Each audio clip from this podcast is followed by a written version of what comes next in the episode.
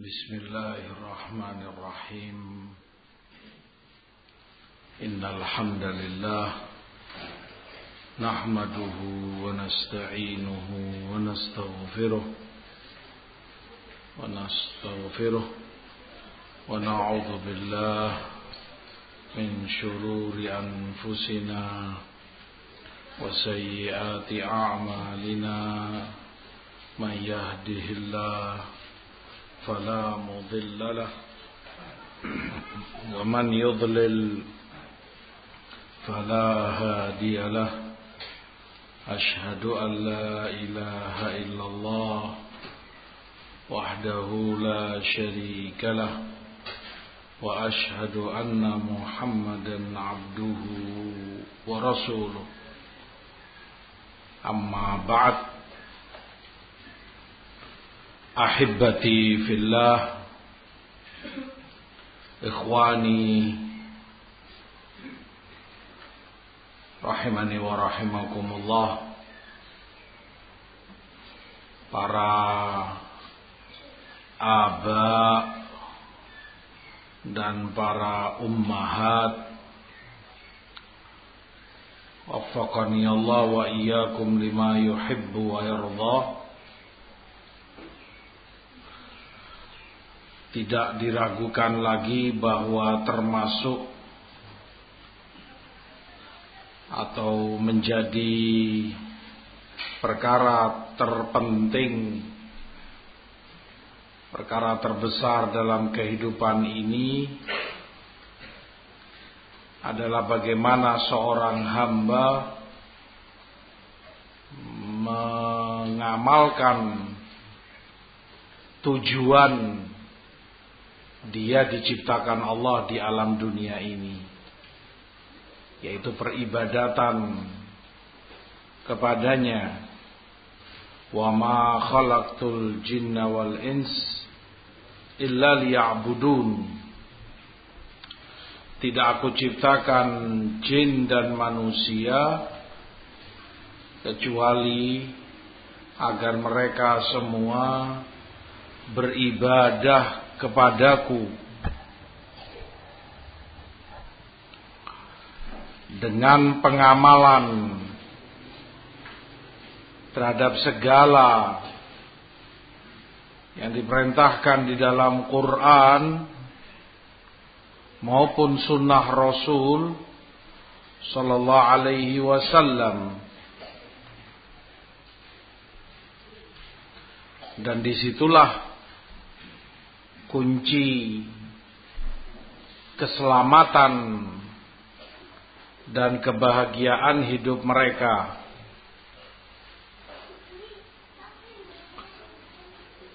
Dari rahmat Allah dan hikmahnya pula Allah syariatkan pernikahan karena masing-masing saling membutuhkan dalam hidup. Yang laki butuh wanita istrinya. Yang wanita pun butuh lelaki sebagai suaminya. Masing-masing sebagai pendamping hidupnya. Maka Allah syariatkan hal itu karena tujuannya agar tegak dengannya rumah tangga suami bertanggung jawab suami bekerja suami berinfak membelanjai anak istrinya mendidik dan membimbing mereka dan semua ini nilai-nilai ibadah kepada Allah yang merupakan tujuan diciptakannya mereka.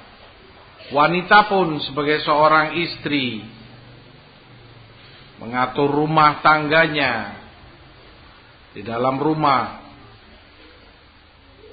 mendidik dan mengawasi anak-anaknya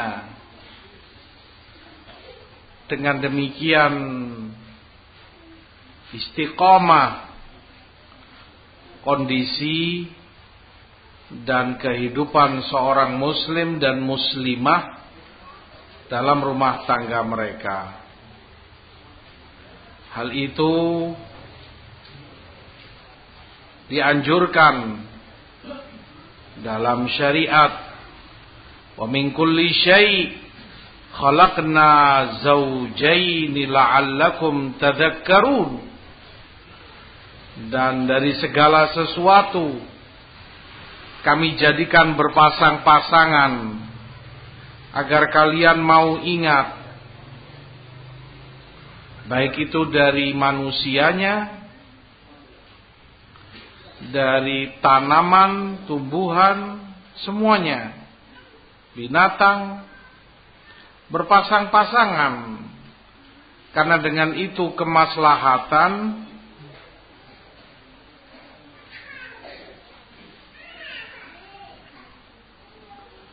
dan kebaikan hidup mereka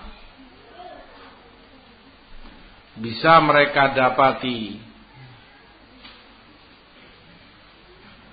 Allah pun sebutkan dalam An-Najm khalaqaz zawjaini dzakara wal untha. Dan Allah yang menciptakan berpasang-pasangan dari yang laki maupun wanita, dari yang jantan maupun betina. Allah ciptakan semua itu untuk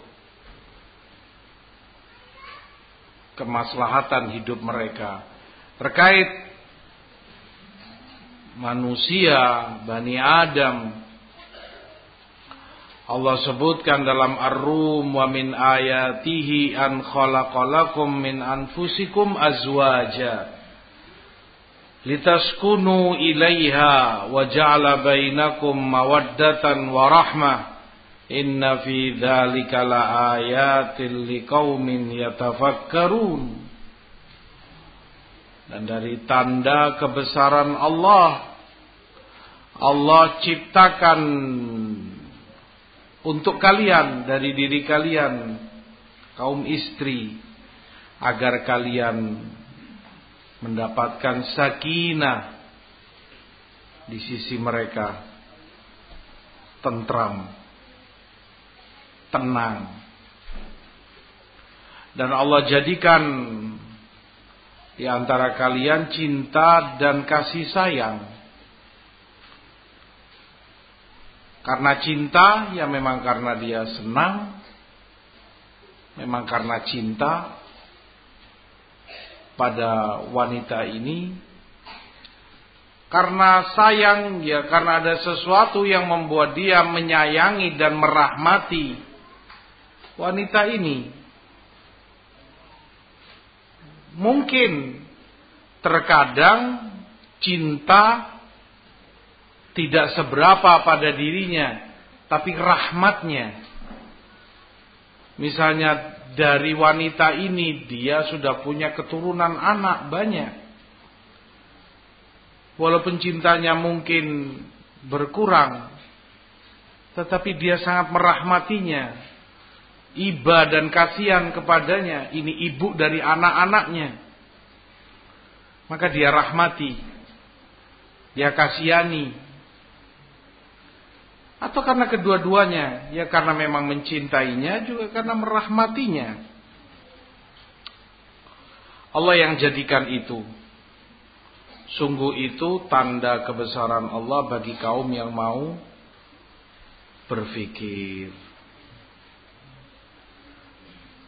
Dalam sunnah pun anjuran itu banyak. Antara lain hadis yang di Bukhari dan Muslim di mana Rasulullah katakan an-nikahu sunnati faman raghiba an sunnati falaysa minni. Nikah itu sunnahku. Yang membenci sunnahku maka bukan dari golonganku tanakahu taksuru fa inni mubahin bikumum umam yaumul qiyamah. Menikahlah agar kalian semakin banyak jumlah umat ini dan aku bangga dengan banyaknya umatku dibanding umat-umat yang lain di yaumul qiyamah kelak juga hadis Abu Dawud dan Nasai. Dan ma'ruf hadis ya ma'syarasy syabab man istata'a minkumul ba'ata falyatazawwaj. Wahai anak-anak muda yang mampu dari kalian untuk bertanggung jawab maka menikahlah. Dianjurkan dimotivasi dan didorong oleh Rasul untuk umatnya mau membentuk rumah tangga. Karena tujuan-tujuan tadi agar banyak umat ini memperbanyak umat Rasul SAW dan beliau bangga agar mereka terlindung dari yang haram terjaga dari pandangan haram, terjaga syahwatnya. Dan demikianlah sunnah yang Rasulullah SAW wasiatkan kepada umatnya. Tentunya dalam kehidupan rumah tangga ada suami, ada istri. Yang berarti rumah tangga itu hukuk wawajibat ada hak ada kewajiban. Masing-masing. Ada kewajiban yang harus dia tunaikan dia berikan. Ada pula hak-hak yang patut untuk dia dapati itu hak dia. Sebagai seorang suami, itu hak dia sebagai seorang istri. Ini kewajiban dia sebagai seorang istri, ini kewajiban dia sebagai seorang suami, masing-masing. Dan harus dijaga baik menunaikan kewajibannya maupun untuk mendapati hak-haknya.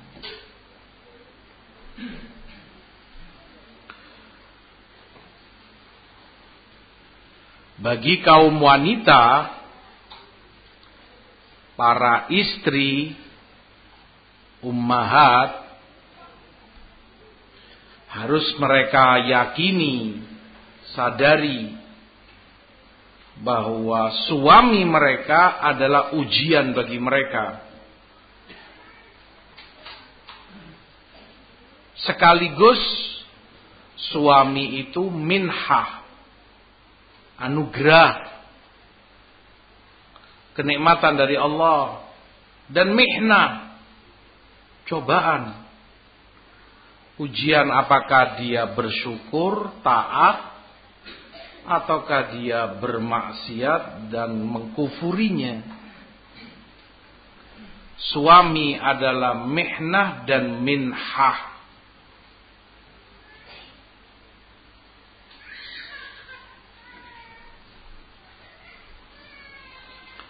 Di dalam hadis Rasulullah SAW sebutkan yakfurnal ashir. Kaum istri itu sering mengkufuri kenikmatan kenikmatan bersuami. Minha. Fa innar rajul idza ahsana ila imraatihi arba'ina sana.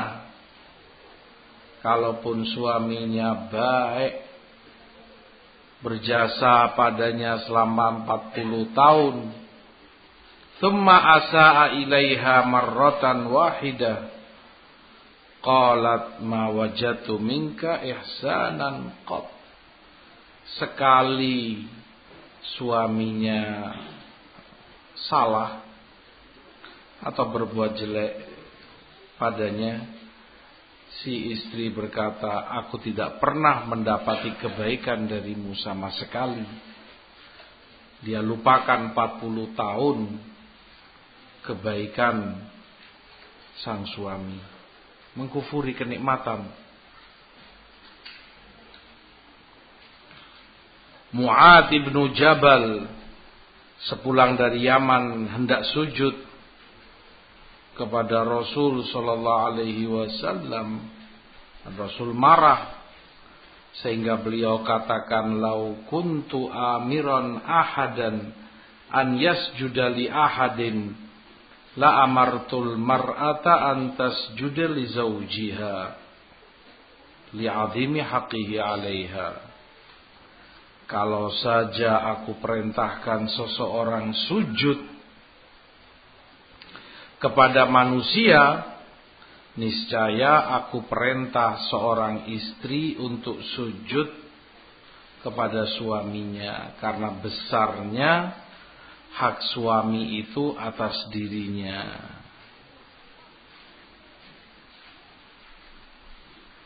Tanggung jawab yang harus dipikul oleh seorang istri. Demikian pula hak itu besar dan banyak. Hak-hak seorang suami dituntut berkhidmat melayani dengan baik sang istri di dalam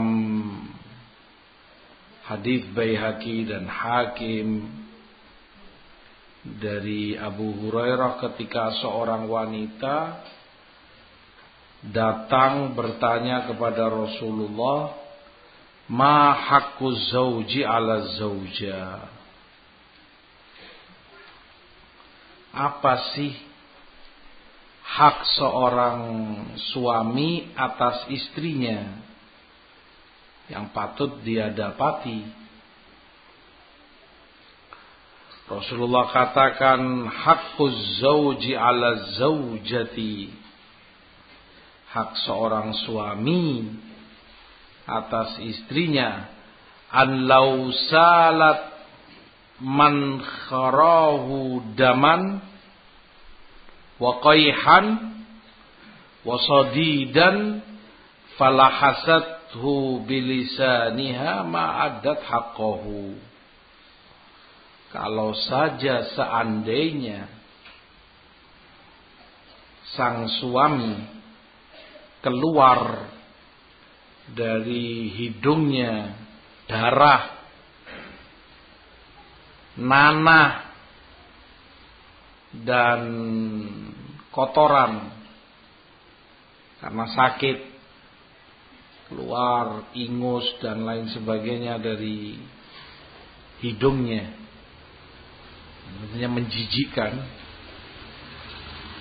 khidmat seorang istri kepada suaminya sampai kemudian darah ingus nanah, semua itu dia jilat dengan lidahnya, lidah sang istri untuk membersihkannya. Dia jilati dengan lidahnya demi membersihkan untuk suaminya. Rasul katakan belum cukup itu untuk dia menunaikan hak suaminya. Laukana yang bagi li basharin ayas sudah li bashar la amartu al mar'a an tasjuda li idza dakhala 'alaiha kalau saja ada boleh sujud kepada manusia niscaya aku akan perintahkan seorang wanita untuk sujud kepada suaminya setiap kali suaminya masuk menjumpainya. Bukan cuma sekali, dua kali. Tiap suaminya datang, tiap kali suaminya berjumpa dengannya, setiap kali dia jumpai suaminya, dia sujud kepada suaminya. Seandainya sujud itu boleh kepada selain Allah. Tapi itu haram tentunya. Besarnya hak suami atas istrinya. Di Musnad Ahmad pula Rasulullah SAW bertanya kepada seorang wanita, "Alaki ba'al?" Kamu punya suami? Dia jawab, "Punya ya Rasulullah." Maka Rasul katakan, "Unduri kaifa antilahu fa innama huwa jannatuki wa naruki." Perhatikan baik-baik bagaimana kamu kepada suamimu karena suamimu adalah surgamu atau itu nerakamu.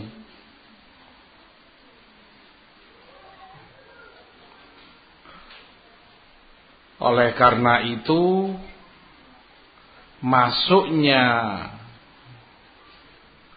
seorang istri wanita ke surga termasuk digantungkan terhadap keridoan suaminya pada dirinya. Suaminya ridho, senang kepadanya, maka surga baginya.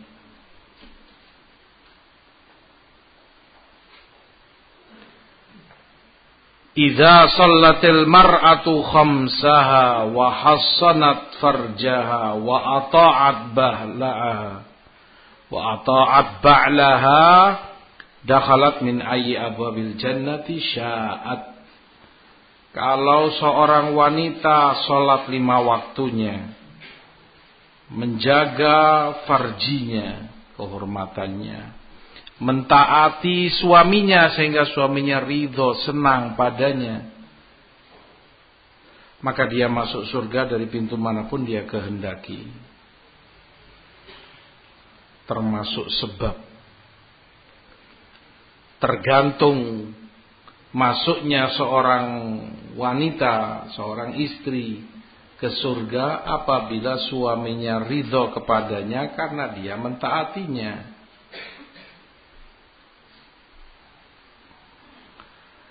Oleh karena itu berkewajiban setiap muslimah untuk bagaimana suaminya ridho, senang padanya. Bagaimana dia mentaati sang suami. Bahkan dalam ibadahnya yang sunnah harus seizin suaminya. La yahillu laha an tasum wa zawjuha syahid illa bi idnih. Gak boleh dia puasa sunnah sementara suaminya ada. Kecuali seizinnya. Karena namanya suami. Mungkin saja saat itu dia menginginkan istrinya.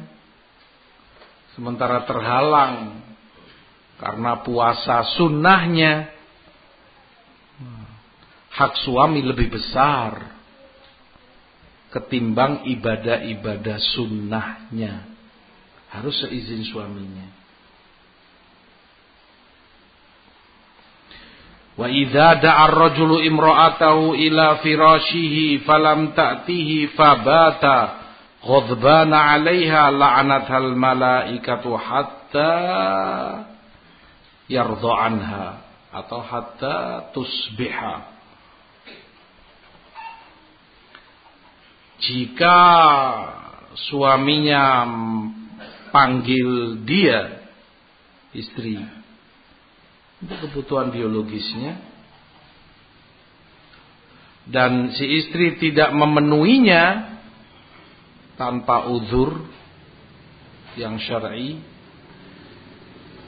Malam itu suaminya dalam keadaan marah dan jengkel sakit hati kepada sang istri maka dia si istri dilaknati oleh para malaikat. Di riwayat disebutkan sampai pagi hari. Di lafat kedua dilaknati malaikat sampai suaminya meridhoi dia. Memaafkannya. Maka perkaranya berat. Kalau itu tanpa udur seorang wanita tidak memenuhi panggilan atau ajakan suaminya.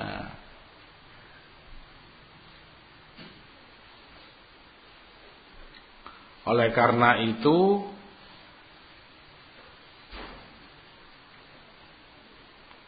di dalam sunnah pula bagaimana Rasul sebutkan dari hak seorang suami kepada istrinya.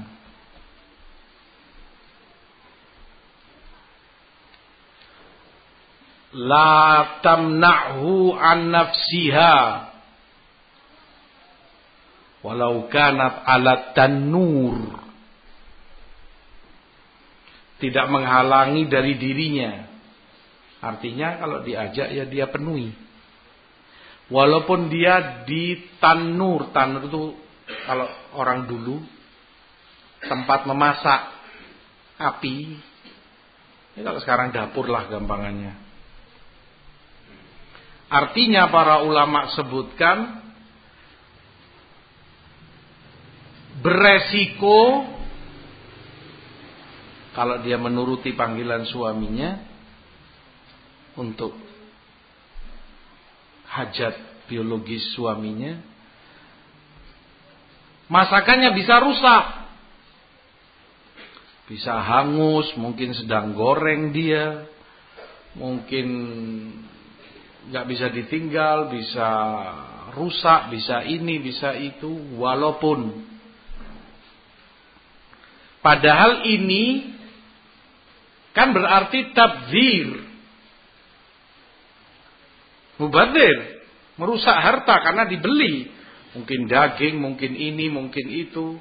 Rusak masakannya, hangus, nggak bisa dimakan. Terbuang. Memang iya. Tapi itu jauh lebih ringan. Ketimbang dibanding kalau dia menolak atau menunda ajakan dan panggilan suaminya. Rasul katakan, kalaupun dia sedang memasak dan beresiko rusak masakannya, terbuang, tidak mengapa. Demi ajakan dan memenuhi panggilan suaminya. Alat tanur.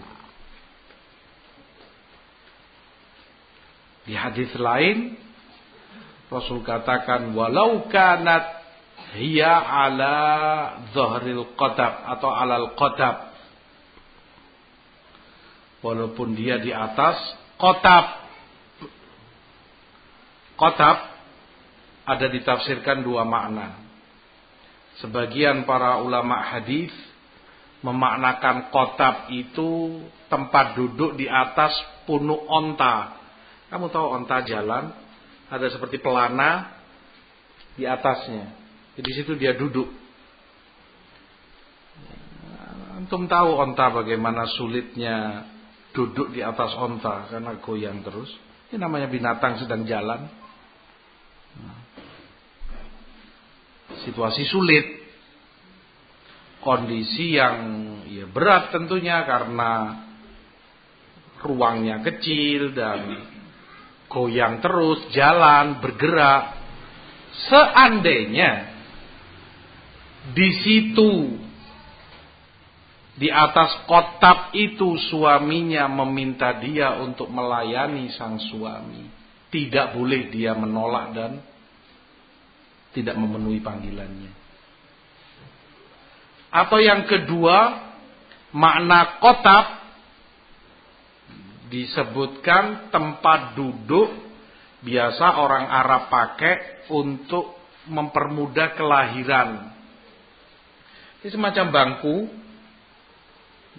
si ibu mau melahirkan ini duduk di atasnya, di tengahnya lubang. Ya mungkin zaman dulu untuk mempermudah kontraksi untuk ini mungkin sehingga mudah keluarnya anak.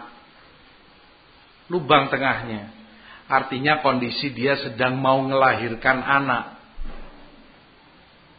Si istri ini. Antum tahu para suami Bagaimana susahnya dia mau melahirkan sampai dikatakan antara hidup mati. Seandainya saat itu sedang susah-susahnya suaminya minta untuk dilayani, dia tidak boleh menolak saat mau melahirkan anak. Alal kotab Apalagi di situasi yang jauh lebih mudah baginya. Karena ini merupakan tujuan utama dalam pernikahan. Untuk menjaga syahwat. Agar tidak terjatuh pada yang haram. Lelaki punya syahwat. Wanita pun punya syahwat dengan pernikahan itu agar masing-masing terarah syahwatnya kepada yang dihalalkan oleh Allah.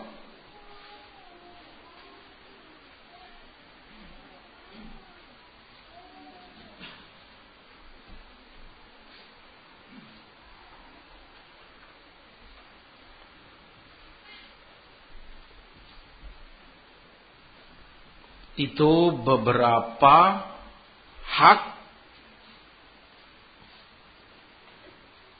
seorang suami atas istrinya. Demikian pula syariat memberikan hak sebaliknya. Hak seorang istri atas suaminya.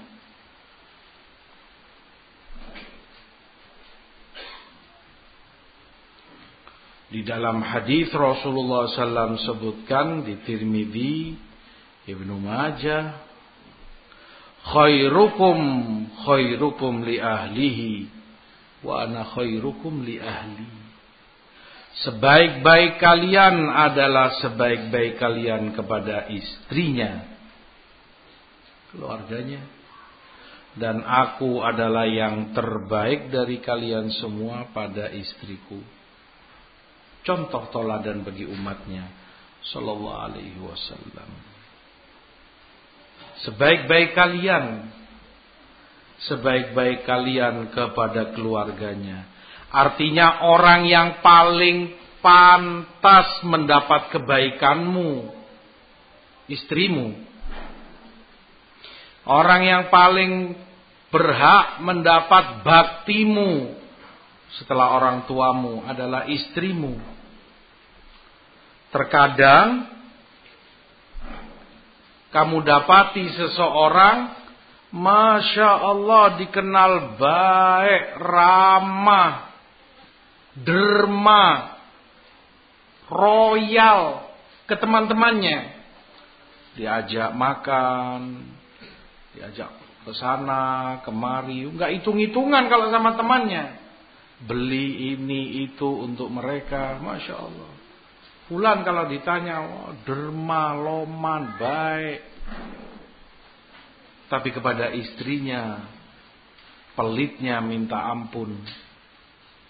Segala sesuatunya dihitung. Yang kemarin mana kembaliannya?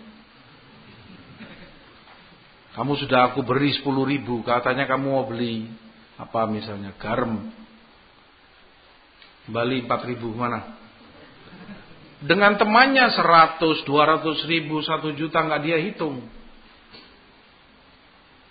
Kalau sama temannya tutur katanya ramah, enak didengar, masya Allah, baik akhlaknya. Tapi kepada istrinya tajam mulutnya, jahat, nyakiti hati, pedas. Kepada temannya mukanya manis, ramah kepada istrinya dia murung muka yang dilipat-lipat. Sebaik-baik kalian sebaik-baik kalian kepada keluarganya. Dia yang paling berhak mendapat kebaikanmu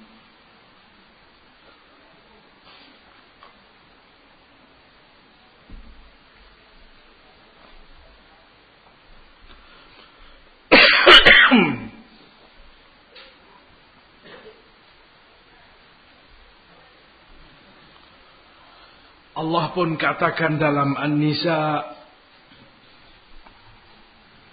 Wa ashiruhunna bil ma'ruf Bermuasyarahlah kepada mereka istri-istrimu dengan ma'ruf yang baik. Fa in karihtumuhunna fa'asa an takrahu syai'an wa fihi khairan katsira. Kalaupun kamu membencinya,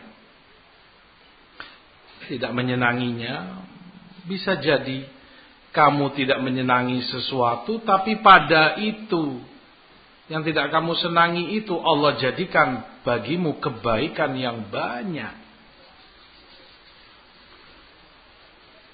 Mungkin karena satu sebab, tapi sebab lain banyak kebaikan kamu dapati darinya terlahir anak-anakmu, dia memenuhi segala kebutuhanmu, banyak tercover, dia banyak membantu kamu, usahamu misalnya atau apalah. Banyak. Ashiruhunna bil ma'ruf. Muasyarahlah dengan baik kepada istrimu. Itu jika seorang suami itu bertakwa. Takut kepada Allah. Dari awal seorang wanita atau walinya menerima lamaran seorang lelaki ketika karena akhlaknya dan agamanya ini keuntungannya. Jika memang wanita ini membuat senang sang suami, membuat dia ridho, dia mencintainya dan berbuat baik, menghormatinya, dimuliakannya, disenangkan istrinya. Namun, jika ternyata wanita ini kurang membuat dia senang, atau wanita ini tidak seperti yang dia harapkan, dia pun tidak akan mendoliminya. Dia nggak akan semena-mena kepada wanita ini. Dia tidak akan semaunya mendolimi, menyakiti, dengan tutur kata, dengan fisiknya, dengan tidak memberikan belanjanya atau yang lainnya, karena dia takut kepada Allah.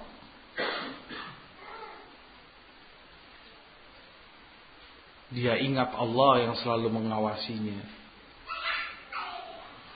Keuntungan kalau seorang wanita atau walinya menerima lelaki kalau itu karena agamanya ada yang dia takuti. Perempuan adalah amanat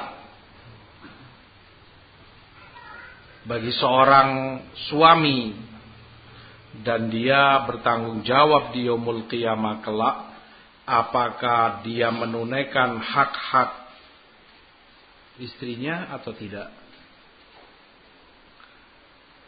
Di dalam hadis Rasulullah SAW menyebutkan di Bukhari Muslim dari Abu Hurairah istausu bin nisa'i khairan.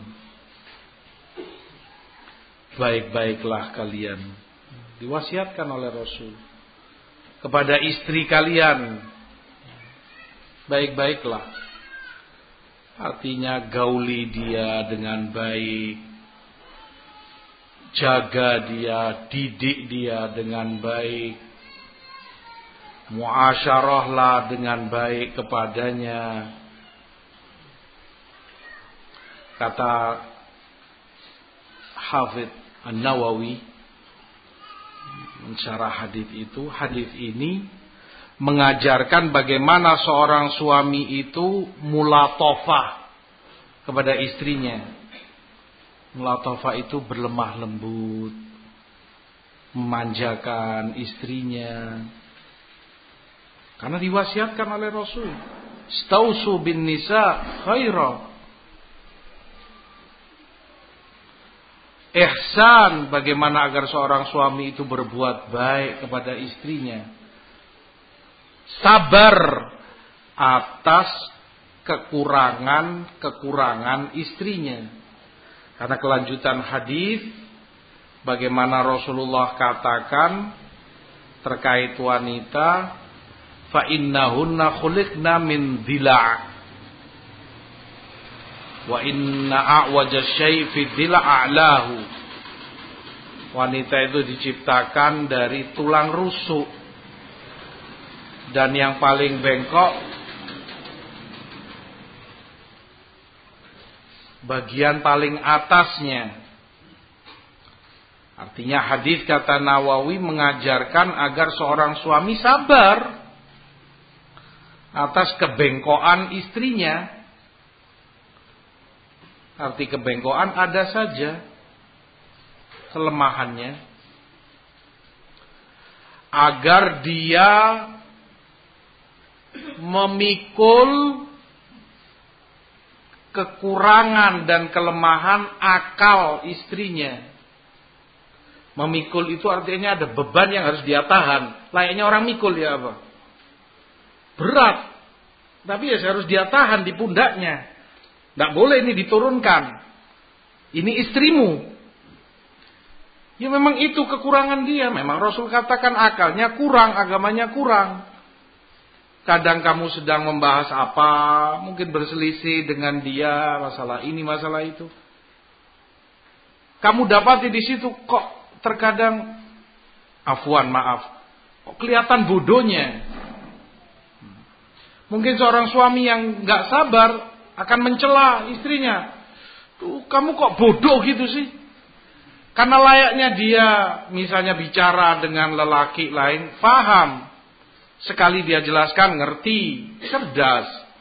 Tapi ketika berhadapan dengan istrinya, kekurangan itu nggak mampu dia pikul. Nggak paham-paham. Dia menjelaskan ke barat, istrinya mengertinya ke timur. Begitulah perempuan. Rasul perintahkan untuk sabar. Rasul katakan memang dia diciptakan bengkok. Itu kekurangan dia. Ada kekurangan akalnya. Jangan kamu celah. Jangan kamu jadikan itu sebagai alasan untuk kamu boleh menjelek-jelekkan dia. Mungkin naudzubillah yang lebih lepas lisannya akan lebih tajam lagi mencelanya. Wah, goblok kamu ini. Gak ngerti-ngerti. Begini maksud saya itu sambil marah-marah. Ah ya, sabar. Memang dia bengkok. Terkadang harus kamu jelaskan dua kali, tiga kali begini.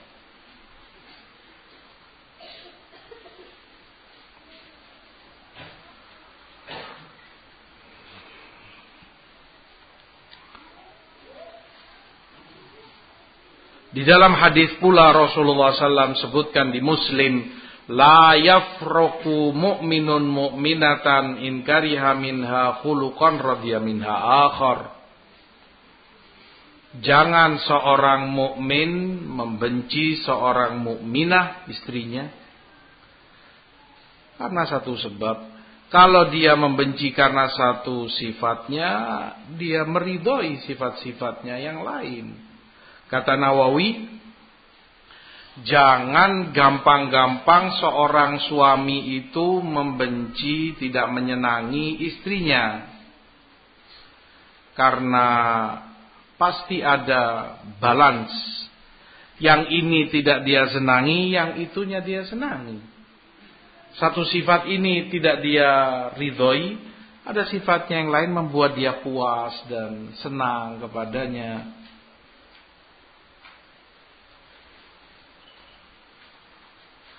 Mungkin terkadang kata Nawawi uh, di satu sisi uh, culas istrimu. Orang Jawa bilang judes. Masya Allah lisannya. Kurang bisa menjaga kepada suaminya. Berani bentak Wah tajam sudah melukai hati. Itu mungkin kekurangannya. Tapi di sisi lain, kamu tahu istrimu itu menjaga kehormatannya, taatnya, masya Allah, sholat malam, puasa sunnah, melayani kamu dengan baik tanpa kamu minta, nyuci bajunya, trikanya, dia akan makan, dan kebutuhan-kebutuhan kamu yang lainnya. Nah, sama anak-anakmu perhatian yang lainnya kamu nggak bisa nyacat. Cuman kekurangannya ini. Lisannya masya Allah sebagai contoh. Satu kamu tidak menyenanginya lihatlah sisi lain. Yang banyak bermanfaat bagi kemaslahatanmu atau yang semisalnya. Nggak akan kamu dapati dia sempurna dan utuh.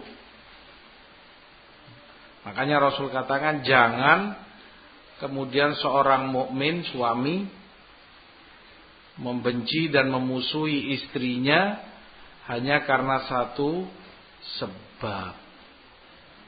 Lihat sebab-sebab lain yang positif yang membuat dia senang dan pantas mempertahankan wanita ini.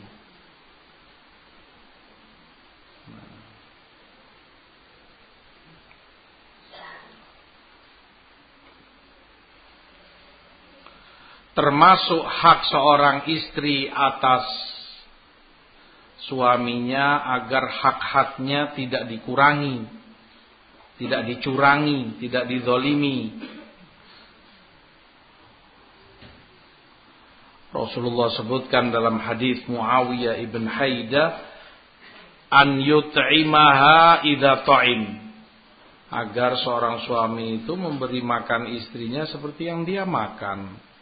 Wa yaksuha idza memberi dia pakaian.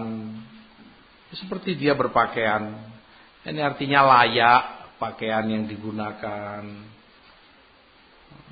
mampu sebatas kemampuan dia memberikan dia pakaian yang layak baginya. Wala yadribul wajh. Hak dia untuk suaminya nggak boleh memukul wajahnya. Wala yuqabbih. Hak dia nggak boleh suaminya mencela wajahnya atau ciptaannya. Mungkin ada kekurangan pada ciptaannya. Mungkin misalnya hitam, mungkin kurang cantik, mungkin gendut misalnya, mungkin kurus, mungkin apalah kekurangan dia. Nggak boleh kemudian karena itu suaminya mencela dia karena jengkel kepadanya.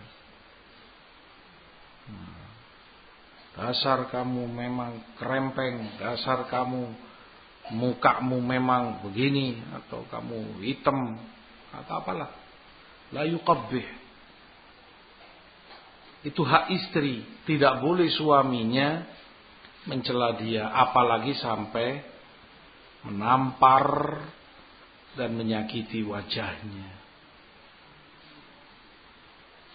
Hadis di Abu Dawud juga Ibnu Majah dalam sunannya.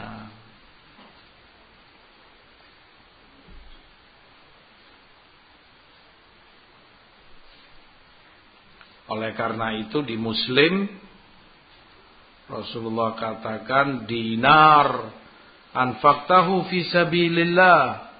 Wa dinar anfaqtahu fi raqabah wa dinar anfaqtahu ala ahlika a'dhamuha ajran. Alladhi anfaqtahu ala ahlika.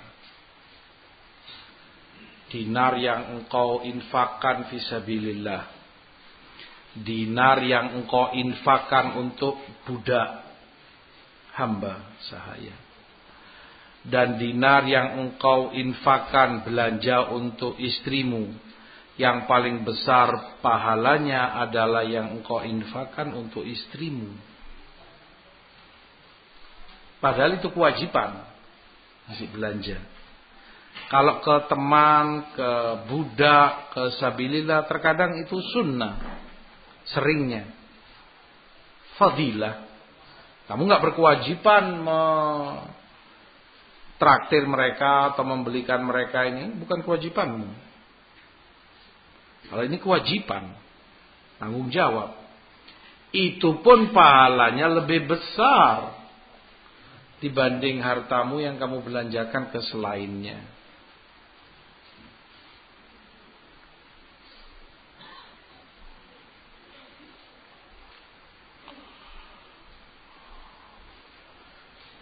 Termasuk yang terpenting hak seorang istri adalah dididik dengan pendidikan syar'i ilmu yang perlu dia ketahui dari ibadahnya, akhlaknya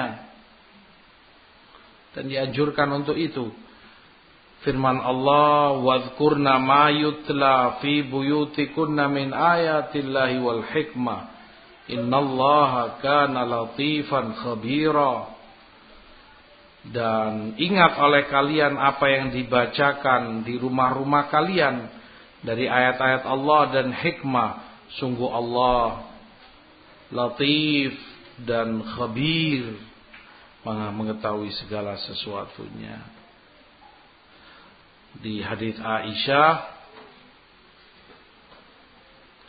ni'man nisa nisaul ansar. Lam yamna'hunna al-haya an yatafaqahna fid din. Sebaik-baik wanita adalah wanita ansar. Yang malu tidak menghalangi mereka sifat malunya untuk bertafakuh fid din. Untuk belajar tanya tentang agamanya Dan itu hak dia untuk bertanya dan belajar tentang agamanya. Dalam Toha, wa'mur ahlaka bis salah wastabir 'alaiha. Perintahkan keluargamu salat, ajak dia salat dan bersabarlah untuk itu. Di dalam sunnah pula Rasul katakan Allah merahmati seorang suami yang bangun malam, sholat. Dia bangunkan istrinya, sholat bersamanya. Atau kalau istrinya tidak bangun, dia percikkan air di wajahnya. Allah merahmati suami yang mengingatkan dan mengajak istrinya sholat malam. Dan itu hak dia. Dibimbing, diajak, diingatkan. secara umum dijaga perasaannya agar tidak sakit hati, tidak tersinggung dan wanita. Antum tahulah lebih sensitif dibanding lelaki. Nah, muamalahlah dengan baik, tutur kata, sikap. Nah, ashiruhunna bil ma'ruf. Muasyarahlah dengan baik kepada mereka.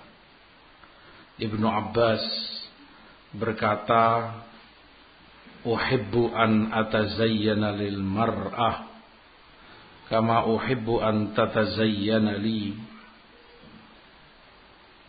Aku senang berhias untuk istriku sebagaimana aku ingin dia berhias untukku.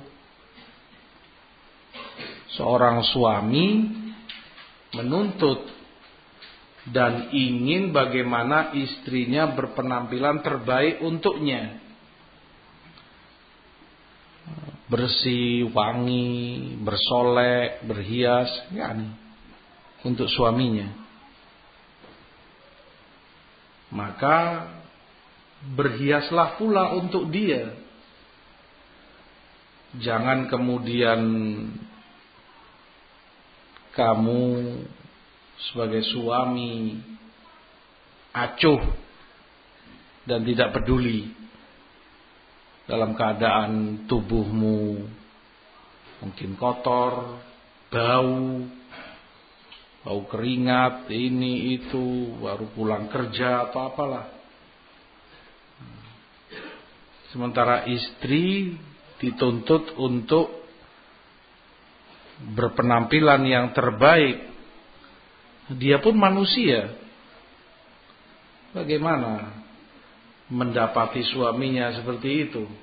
Dia ingin suaminya pun melayani dia dalam keadaan yang terbaiknya. Wangi, bersih. Hak yang patut dia dapati. Sebagai mana Ibnu Abbas sebutkan di dalam hadis.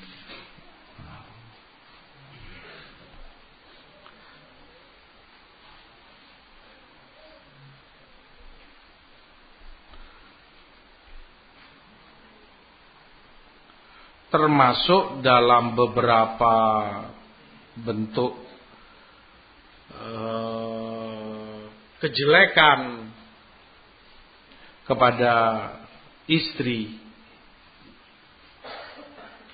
Kurangnya muasyarah bil ma'ruf yang Allah perintahkan. Ashiruhunna bil ma'ruf. Gauli dia dengan baik walahunna mithlul ladzi alaihinna bil ma'ruf Istrimu punya hak sebagaimana dia juga punya kebaik kewajiban. Bil ma'ruf semua itu dengan ma'ruf. Terkadang ketika ini tidak dijaga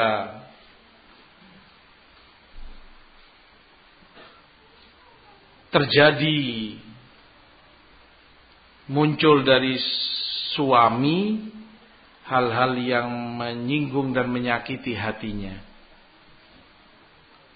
Dan itu tidak menjaga hak-hak dia sebagai seorang istri. Terkadang karena lisan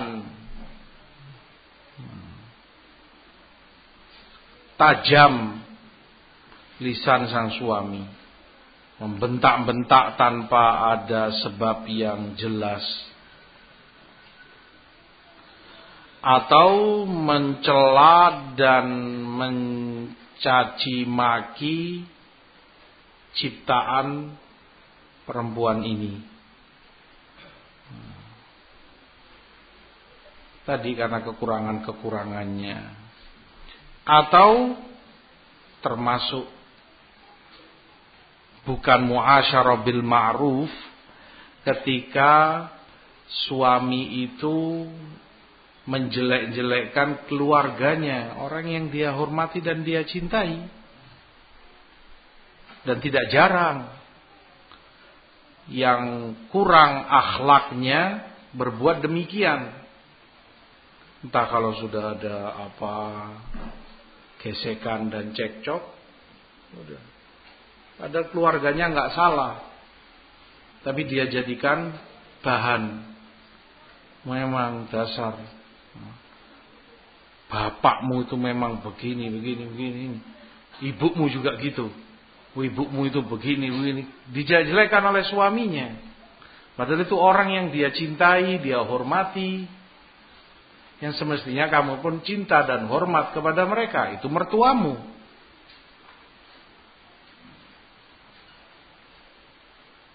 Ashiruhunna bil ma'ruf. Muasyarahlah dengan baik, dengan ma'ruf kepada mereka. Jaga perasaannya.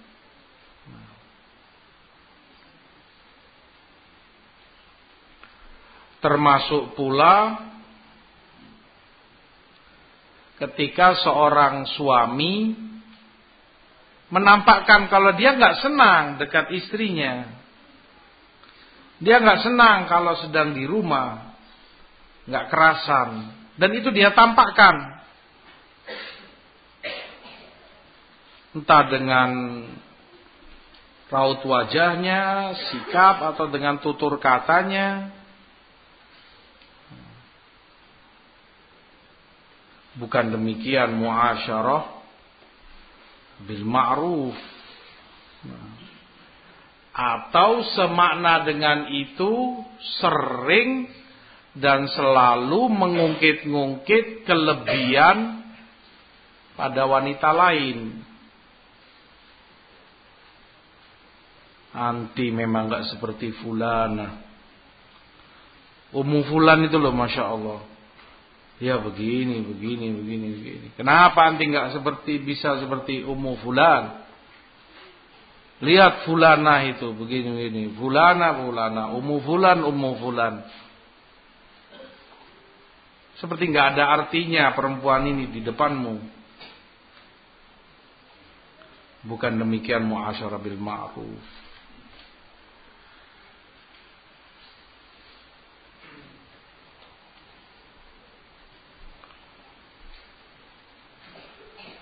Demikian pula muasyarah bil ma'ruf memanggil dengan panggilan yang baik yang dia senangi. Terkadang Aisyah pun dipanggil dengan ya Aish. Panggilan yang kalau dalam bahasa Arab disebut tarhim. Apa ya? Panggilan manja atau panggilan penuh kasih sayang. Dan itu membuat dia senang dipanggil dengan panggilan terbaik yang dia senangi atau membuat dia ridho dengan memberi dia hadiah, oleh-oleh, apalah. Membuat dia senang berarti diingat, diperhatikan sama suaminya. Secara umum Rasulullah SAW sebutkan akmalul mu'minin imanan ahsanuhum khuluqah. Mukmin yang paling sempurna imannya yang terbaik akhlaknya. Semakin baik akhlak seorang mukmin, semakin menunjukkan kesempurnaan imannya. Kemudian Rasul katakan wa khiyarukum khiyarukum linisaihim. Dan sebaik-baik kalian adalah sebaik-baik kalian kepada keluarganya. Sebaik-baik kalian, sebaik-baik kalian kepada istrinya. Dan itu pertanda kesempurnaan iman. Baiknya kepada keluarganya dalam muamalah dan muasyarah. dengan mereka. Hadis diriwayatkan oleh Tirmidzi.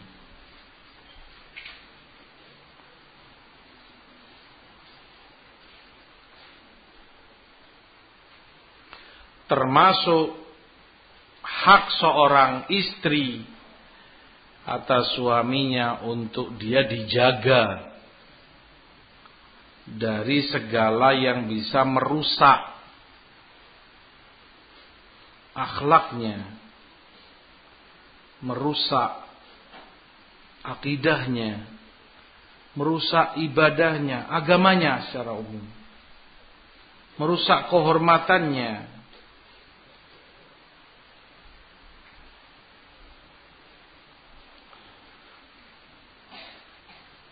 Rasulullah sebutkan kullukum ra'in wa kullukum mas'ul an ra'iyatih Masing-masing kalian adalah pemimpin dan bertanggung jawab atas yang dia pimpin. Farrajul ra'in fi ahli baiti wa huwa mas'ulun an ra'iyati. Maka seorang suami pemimpin dan bertanggung jawab atas yang dia pimpin. Maka bertanggung jawab jaga kecemburuanmu kepada istrimu di tempat-tempat yang dikhawatirkan merusak kehormatan dia. Ajari dia untuk banyak tinggal di rumahnya. Wa fi buyutikun karena di situ ketenangan, ketentraman jiwanya. Korna itu dari istiqrar, koror yang berarti ketentraman ketenangan hati dan jiwanya. Jauhkan dia dari teman-teman yang tidak baik dan bertanggung jawab suami. Oleh karena itu harus tahu suami bertanggung jawab dalam rangka mendidik dia dengan siapa saja istrimu bergaul, berteman. Apalagi seperti zaman ini banyak fitnah, medsos, dan lain sebagainya. Jangan biarkan istrimu lepas kendali. Punya akun di Facebook, punya teman di Twitter, atau apalagi lah. Entah. Kamu harus tahu dengan siapa dia berhubungan.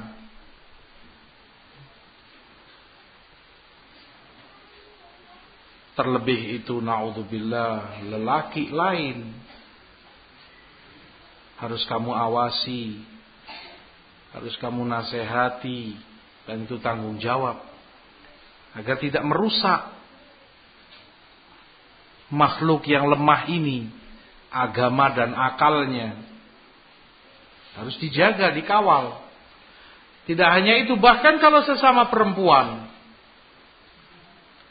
Ketika perempuan yang itu gadzaba, dikenal ahli pendusta. Wanita yang itu fatana, tukang fitnah.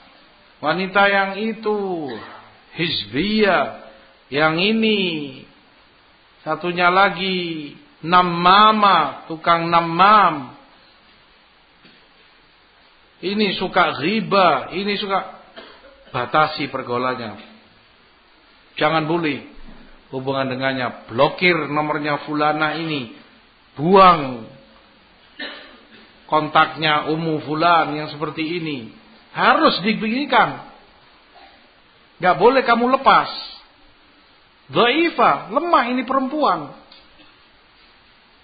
Seperti yang Rasul katakan, lemah agamanya, lemah akalnya. Tentunya dengan cara yang bijak, dengan cara yang santun. Kamu sampaikan semua itu kepadanya.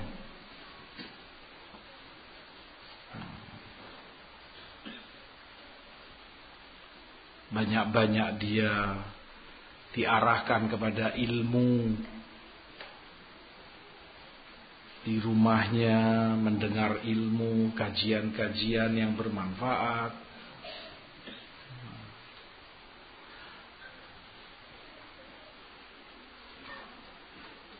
Segala yang syubhat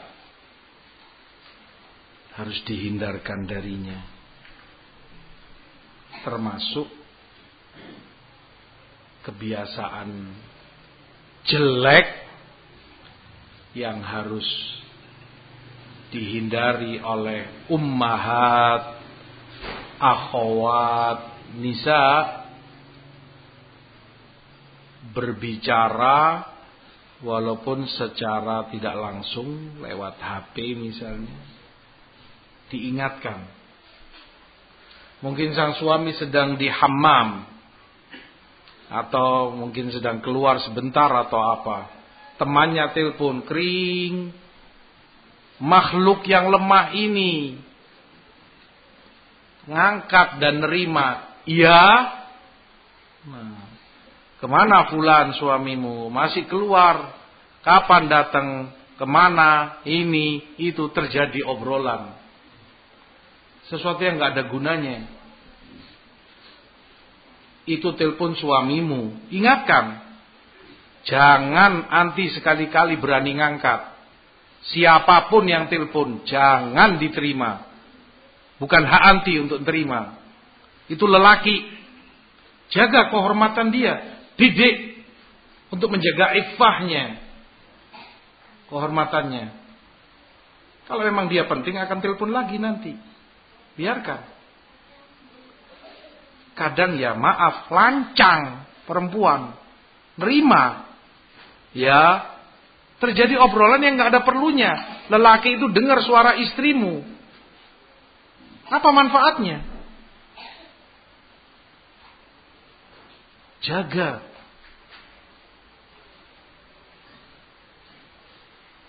termasuk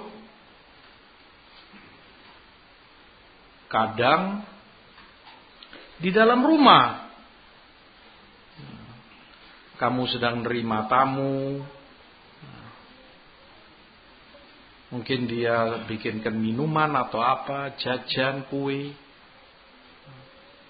bersuara terdengar suaranya oleh lelaki asing yang bukan mahramnya aib. Sehingga dia memanggil kamu biasanya. Abu Fulan ini tehnya misalnya. Abu Fulan ini ingatkan dia, nggak boleh.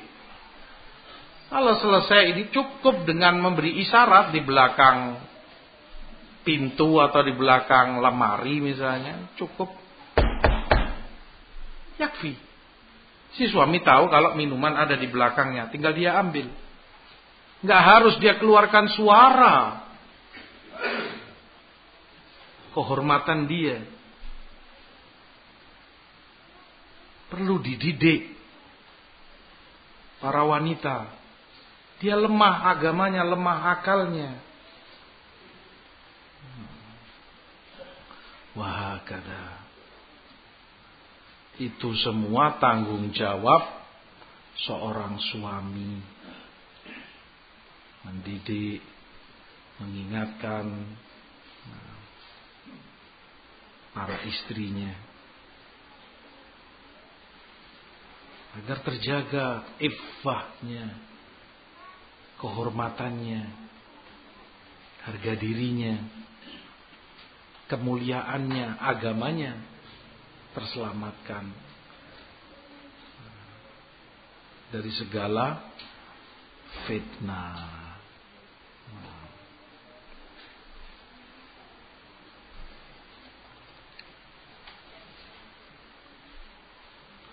Ikhwati fillah, ikhwan maupun akhwat, aba dan ummahat. Tentunya seorang suami terhadap istrinya begitu pula seorang istri terhadap suaminya.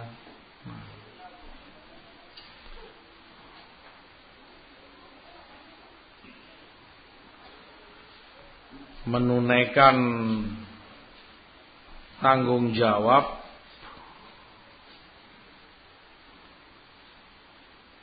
karena memang suami adalah tuan pemimpin penguasa atas istrinya Ar-rijalu qawwamuna 'alan nisa bima faddalallahu bihi ba'dahum 'ala ba'd wa bima anfaqu min amwalihim. Rijal kaum suami itu Allah katakan qawwamun yakni kabiruhunna mereka adalah pembesarnya penguasanya. Ya layaknya pembesar penguasa dia yang ngatur. Lakukan ini, jangan lakukan ini. Boleh kamu begini, tidak boleh kamu begitu. Dia sebagai pemimpinnya. Dia yang atur, dia yang tentukan. Dia nakodanya. Ke mana arah berhenti jalan dia yang tentukan. itu qawamun ala nisa dalam Quran pula disebut suami itu dengan sayyid seperti dalam kisah Nabi Yusuf wa alfaya sayyidaha ladal bab menemui sayyidnya. Sayyid itu tuan asalnya. Ini layaknya ini budak, ini tuannya, majikannya. Yang namanya budak kepada majikan, nurut apa kata majikannya. Yang tentukan, yang memerintah, majikannya, tuannya. Yang dimaksud sebagai majikan dan tuan adalah suaminya, suami dari perempuan ini yang bersama Nabi Yusuf disebut sayyidaha. Ummu Darda As-Sughra jika meriwayatkan hadis dari Abu Darda beliau katakan haddatsani sayyidi telah menyampaikan kepadaku hadis sayyidi tuanku majikanku yakni Abu Darda suaminya di situ kata Nawawi rahimahullah bolehnya seorang istri itu memanggil atau menamakan suaminya dengan sayyid yang artinya tuan, majikan. Karena dia memang tuannya yang ngatur. Terlebih di dalam hadis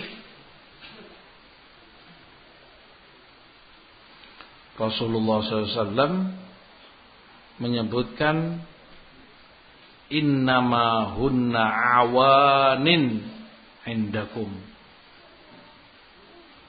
istri kalian itu awan awan jamak dari aniyah yang berarti budak atau tawanan tepatnya yang berarti tawanan. Ini kayak tawanan perang begitu.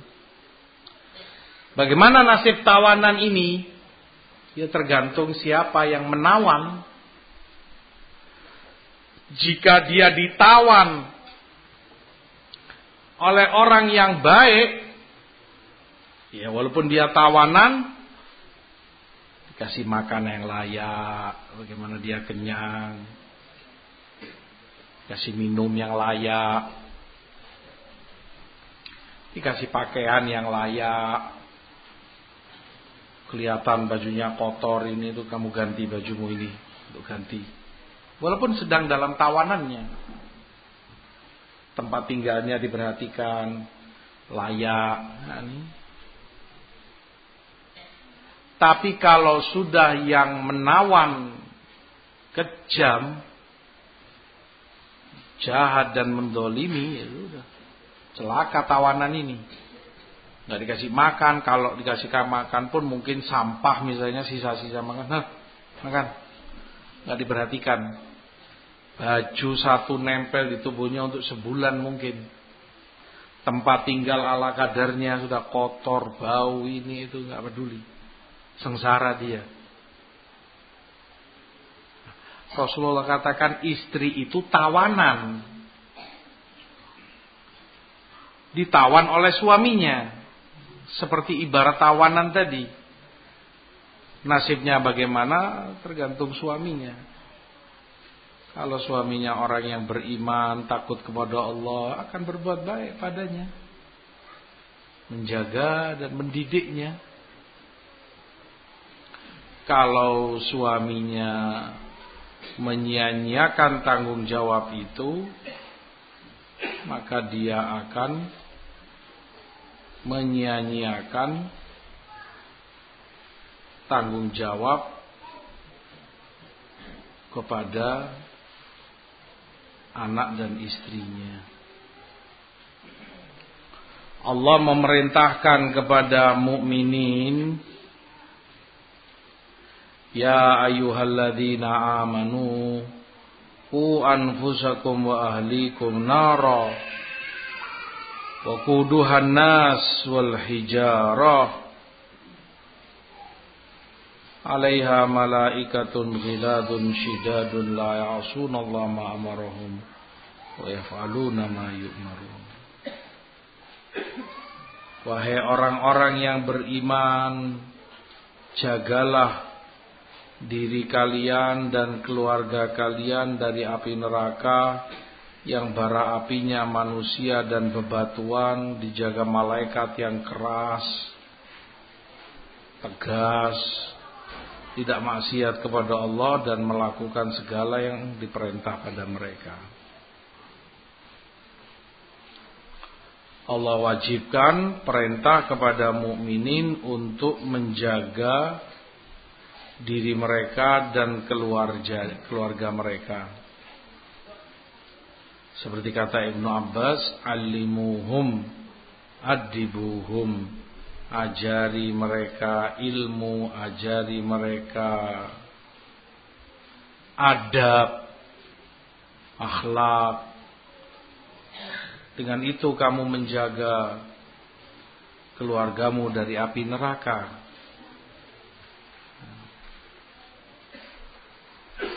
Artinya suami pun butuh ilmu.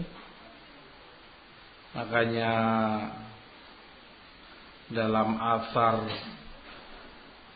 Umar mengatakan ta'allamu qabla an tasudu.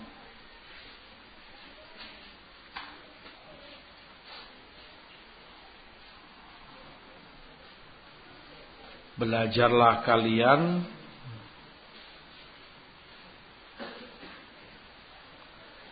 sebelum kalian itu memimpin ya, memimpin rumah tangga beristri.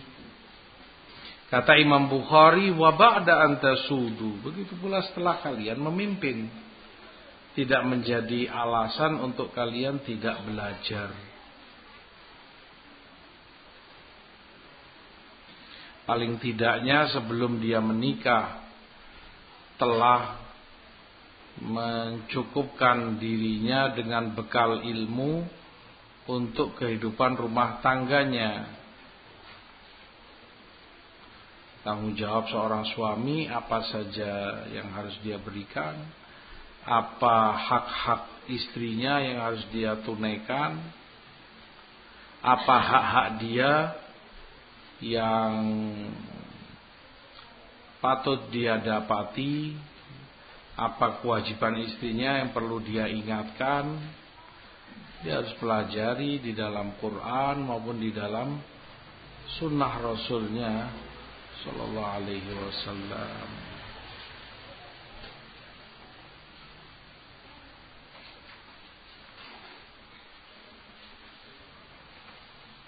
Oleh karena itu bekal utama dan terpenting agar kemudian rumah tangga bahagia adalah ilmu yang bermanfaat, ilmu din, syar'i dan amalan saleh. Firman Allah, "Man 'amila salihan min dzakarin aw untha wa huwa mu'min, falanuhyiyannahu hayatan thayyibah." Yang beramal saleh laki ataupun perempuan dan dia beriman akan kami beri kehidupan yang baik baginya kehidupan yang bahagia atas dasar ilmu nafi' dan amalan soleh sebagai pondasi dasarnya. Begitu pula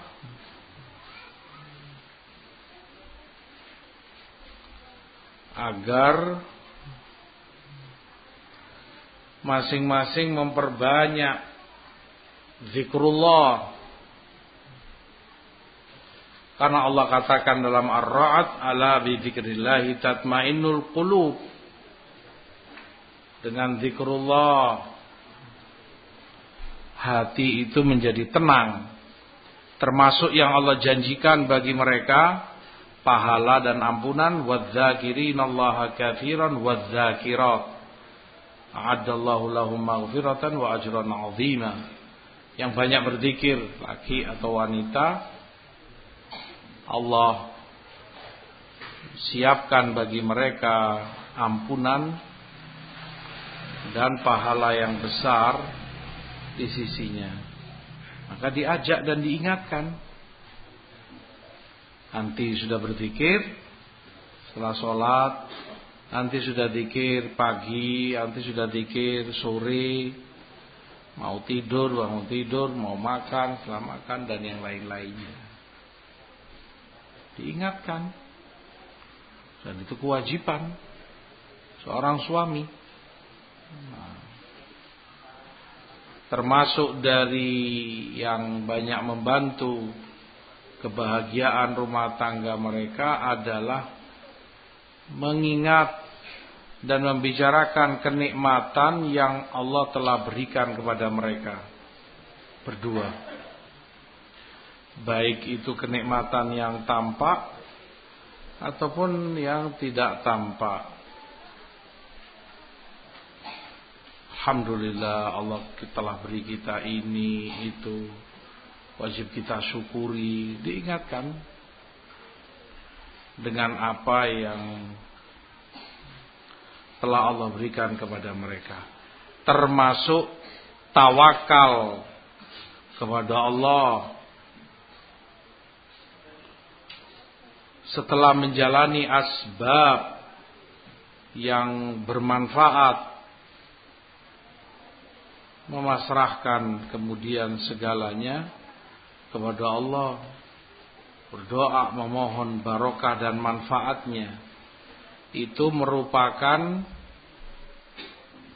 resep terpenting untuk lapangnya dada seorang hamba diberi kesejukan dan ketentraman dalam hatinya. Bertawakal kepada Allah setelah asbab-asbab yang bermanfaat dia jalani. Termasuk pula dan ini penting untuk bahagia rumah tangga itu masing-masing suami maupun istri membiasakan diri menghidupkan sifat taghadi. Taghadi itu melupakan kesalahan atau kejelekan pasangannya yang mungkin pernah menyakiti hati dia. Lupakan seakan suatu yang nggak pernah terjadi. Karena syaitan berambisi untuk rusak dan retaknya hubungan keluarga ini. Dibisik-bisikkan terus di telingamu. Dia pernah berkata begini loh. Anti pernah dikata-katai begini begitu. Kamu sebagai suami, ingat istrimu pernah bicara begini, begini, begitu. Sehingga kamu terus terbakar amarah dan emosimu. Iblis duduk di singgasananya.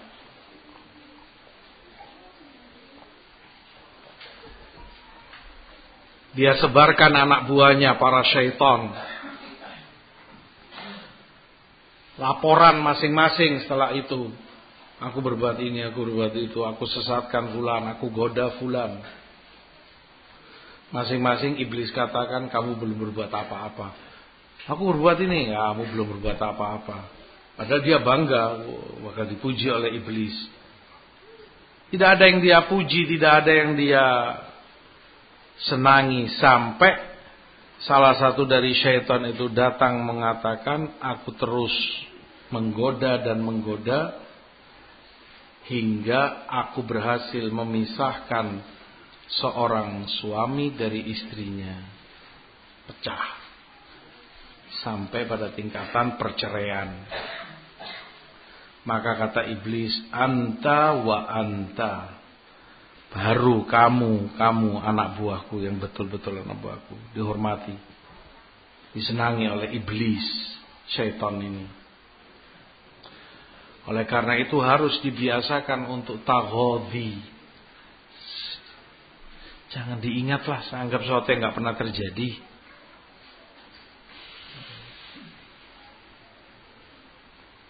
Dan itu akhlak seorang mukmin. Kata Hasan Al Basri, la yazalul mu'min yataghodho tetaplah menjadi sifat seorang mukmin yataghodho melupakan kesalahan atau kekurangan saudaranya mukmin yang lain. Ini seperti sesuatu yang tidak dia anggap sesuatu yang seperti nggak pernah terjadi. Biar sudah. Sehingga dengan itu pun hatimu tenang. Kamu bisa hidup nyaman. Kalau enggak, terus kamunya sakit hati, marah, jengkel, berkepanjangan. Dan itu yang disenangi syaitan.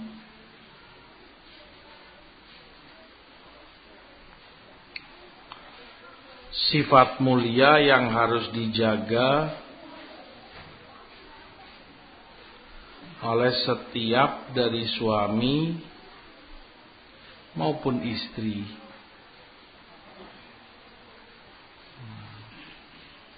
Makanya ketika seseorang di depan Imam Ahmad mengatakan at-taghaful nisful khair. Taghaful itu sama tadi, melalaikan. Melalaikan kesalahannya kekurangannya dianggap nggak ada, nggak seperti tidak pernah terjadi. Itu setengah dari kebaikan kata dia. Kata Imam Ahmad bal huwal khairu kulluhu. Justru melupakan atau melalaikan itu adalah kebaikan semuanya. Semua kebaikan ada di situ bukan setengahnya. Dengan kamu tidak menganggap apa yang terjadi. Pernah dia berkata begini, berkata begitu. Anggap sesuatu yang tidak pernah terjadi. Dengan itu kamu akan benar-benar mendapati banyak manfaat dan kemaslahatannya.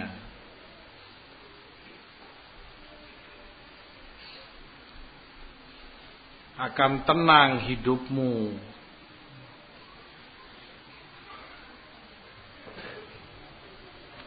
Selain daripada itu,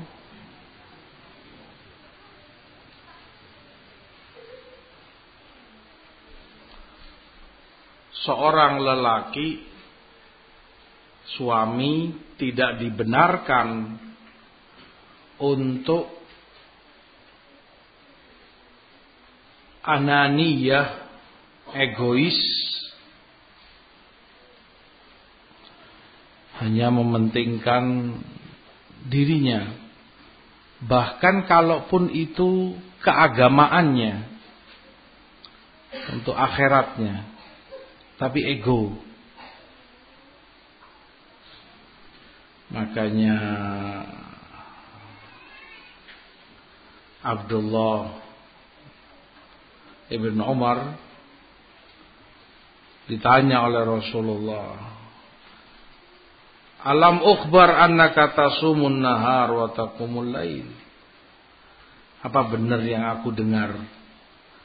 Kalau kamu tiap hari puasa siangnya tiap malam kamu sholat ibadah bukan berbuat maksiat dia ibadah.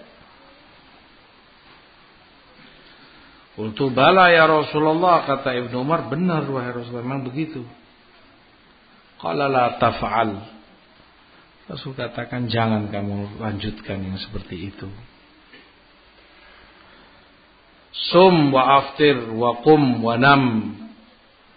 Kamu puasa silahkan, tapi hari lain kamu berbuka.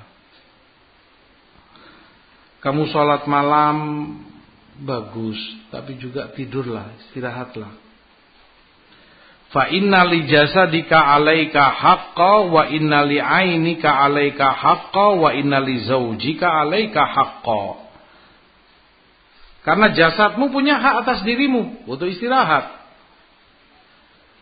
Matamu juga punya hak atas dirimu, kamu istirahatkan istrimu juga punya hak atas dirimu yang harus kamu berikan. Jaga, itu haknya. Seorang imam tabi'in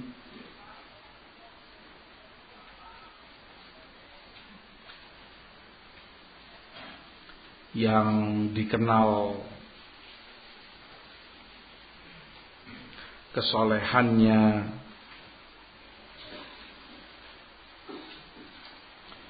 Dikenal dengan ibadahnya.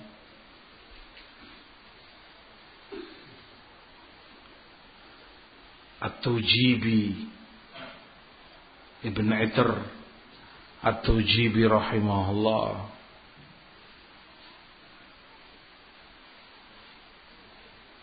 Beliau kata Imam Az-Zahabi dalam biografinya di setiap malam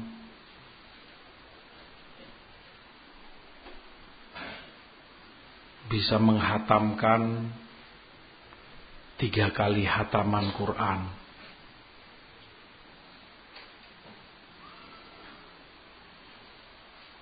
Ditanya istrinya bagaimana itu? Naam. Beliau bangun malam baca Quran sampai beliau hatamkan setelah sholat ini kemudian beliau datangi istrinya untuk menunaikan hak istrinya hubungan suami istri kemudian beliau mandi mandi besar kembali beliau sholat dan membaca Quran hingga hatam setelah itu kembali beliau ke istrinya. Menunaikan haknya. Hubungan lagi. Kemudian beliau mandi janabat. Kembali beliau sholat dan baca Quran. Setelah itu kembali ke istrinya. Berhubungan. Setelah itu beliau sholat. Baca Quran Kemudian baru keluar rumah sholat subuh. Sampai kemudian ketika beliau meninggal dunia, wafat, istrinya berkata, Rahimakallah, faqad kunta turdi rabbak wa turdi ahlak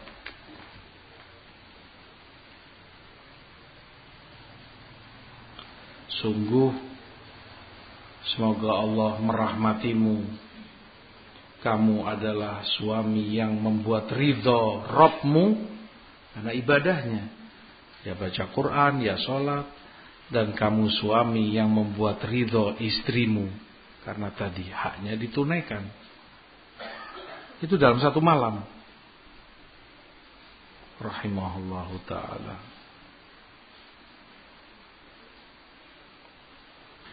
Maka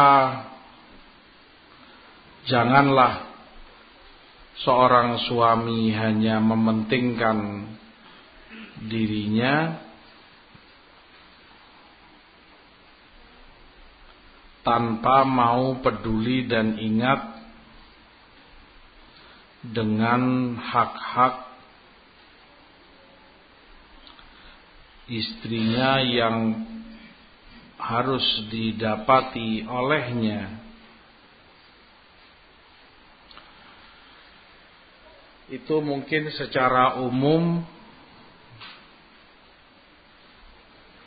beberapa hak dan kewajiban baik atas suami maupun atas istrinya. Inti dari semua ini untuk masing-masing berilmu belajar karena hak dan kewajiban hanya bisa diketahui dengan ilmu syar'i. bekal utama dalam menjalani bahtera rumah tangga. Tanpa ilmu dia nggak akan bisa menimbang mana yang wajib, mana yang bukan, mana yang hak, yang harus ditunaikan.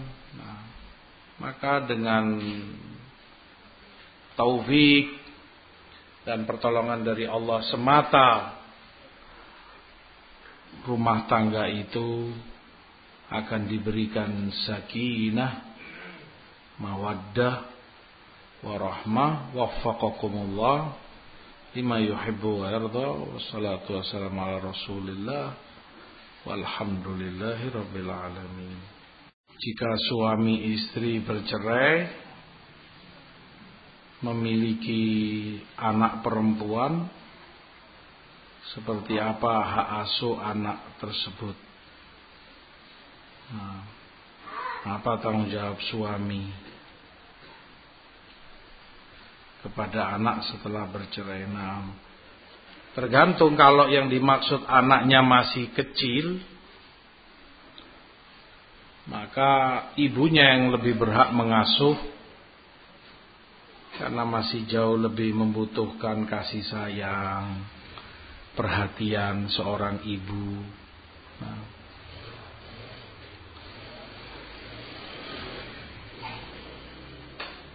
Sampai kemudian anak itu cukup dewasa untuk kemudian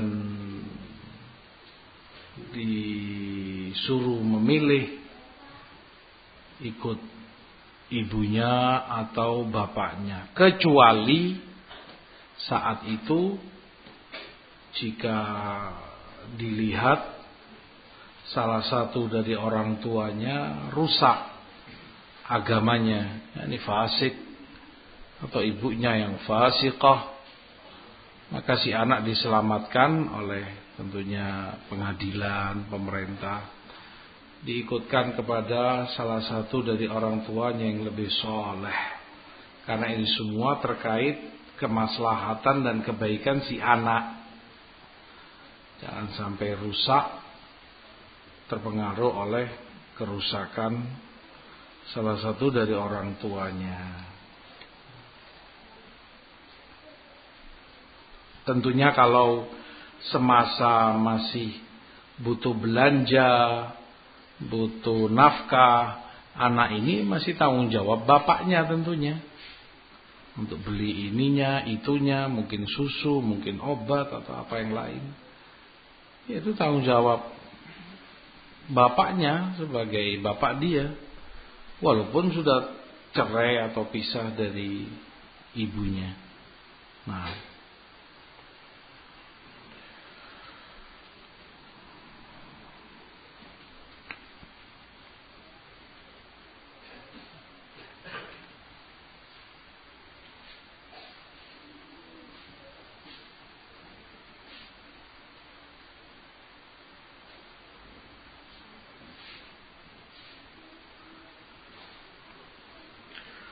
seorang suami yang membiarkan istrinya keluar rumah menggunakan jubah yang bermotif bunga-bunga atau warna-warni atau menghias alis dan matanya. Dan itu bisa terlihat oleh orang lain. Allah yahdi wa yahdiha maka Allah menghidayai mereka. Haram, nggak boleh. Kita harus ingat bahwa pakaian ini disyariatkan untuk menutupi auratnya. Untuk menghindarkan dia dari fitnah. Jangan kemudian justru karena pakaian ini mengundang fitnah karena corak, karena motifnya, karena warnanya, sehingga menyorot pandangan orang lain kepadanya. Tidak dibenarkan. Padahal dia diperintah berhijab justru untuk menjaga kehormatan dia. Sebagian wanita menggunakan pakaian atau jilbab tapi motifnya gini gitu ada dan subhanallah musuh-musuh Islam muslimin musuh-musuh muslimin nggak ada hentinya. Terus nggak bisa dihancurkan diperangi jilbabnya ya sudah biarkan sudah. Ya naam anti berjilbab anti berhijab nah tapi bagaimana nanti dengan jilbab ini tetap uh, modif, tetap tampil elegan. Nah, mau direkayasa bagaimana jilbab itu begini begitu, bagaimana cadar itu begini begitu. Nah, supaya tidak ketinggalan model, tidak ketinggalan zaman, kata mereka. Hatta yang berjilbab pun di rusak oleh mereka. Maka perlu diingatkan mukminat, mahat maupun akhwat untuk terhindar dari yang demikian. Kalau itu jilbabnya yang di luar, busananya, terlebih lagi yang pada dirinya, terhias pada matanya, atau mungkin bulu matanya, alisnya terlihat orang haram. Dan di mana kecemburuan seorang lelaki? Di mana suamimu sehingga membiarkan seperti ini? Hmm. Kamu berhias untuk suamimu, bukan untuk orang lain di luar rumahmu. Disebutkan bahwa seorang istri bersekongkol dengan saudara-saudaranya di zaman dulu. Uh, yakni untuk kelabui suaminya untuk mendolimi dan mengambil hartanya. Suaminya kaya. Kita berkayasa begini begitu. Nah, bahwa dia punya tanggungan utang sekian dalam jumlah besar.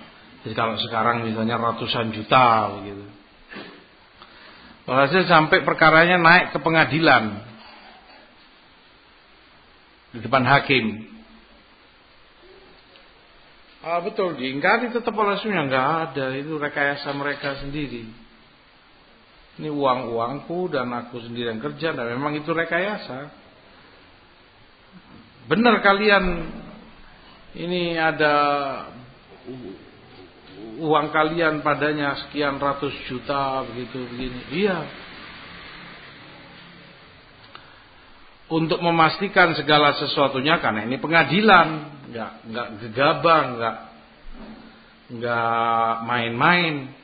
Maka perlu hakim dan wakilnya yang bersamanya, juru catatnya, saksi untuk memastikan dan tahu apa betul ini fulanah istri sah dari fulan sebagai tergugah yang dituntut. Maka diminta perempuan ini untuk membuka cadarnya untuk dipastikan bahwa ini fulana betul. Berdiri sang suami mengatakan wahai hakim demi Allah fulana tidak boleh membuka cadarnya. Enggak bisa. Ini pengadilan harus dipastikan begini-begini. Kata sang suami, kalau perkaranya demikian, aku ikhlaskan ratusan juta itu biar mereka ambil asal istriku tidak membuka wajahnya di depan orang lain. Demikian seharusnya seorang lelaki punya kecemburuan.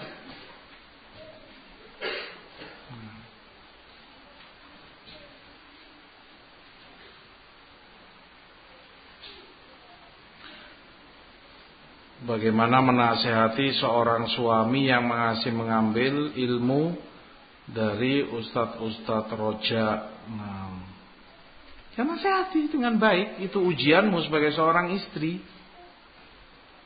Cobaan. Sabarlah. Doakan agar suamimu dapat hidayah. Dan sampaikan dengan baik. Dengan sopan. Dengan akhlak. Dengan santun bahwa agama ini begini, manhaj ini begini, ilmu itu penting, dari siapa diambil begini ini.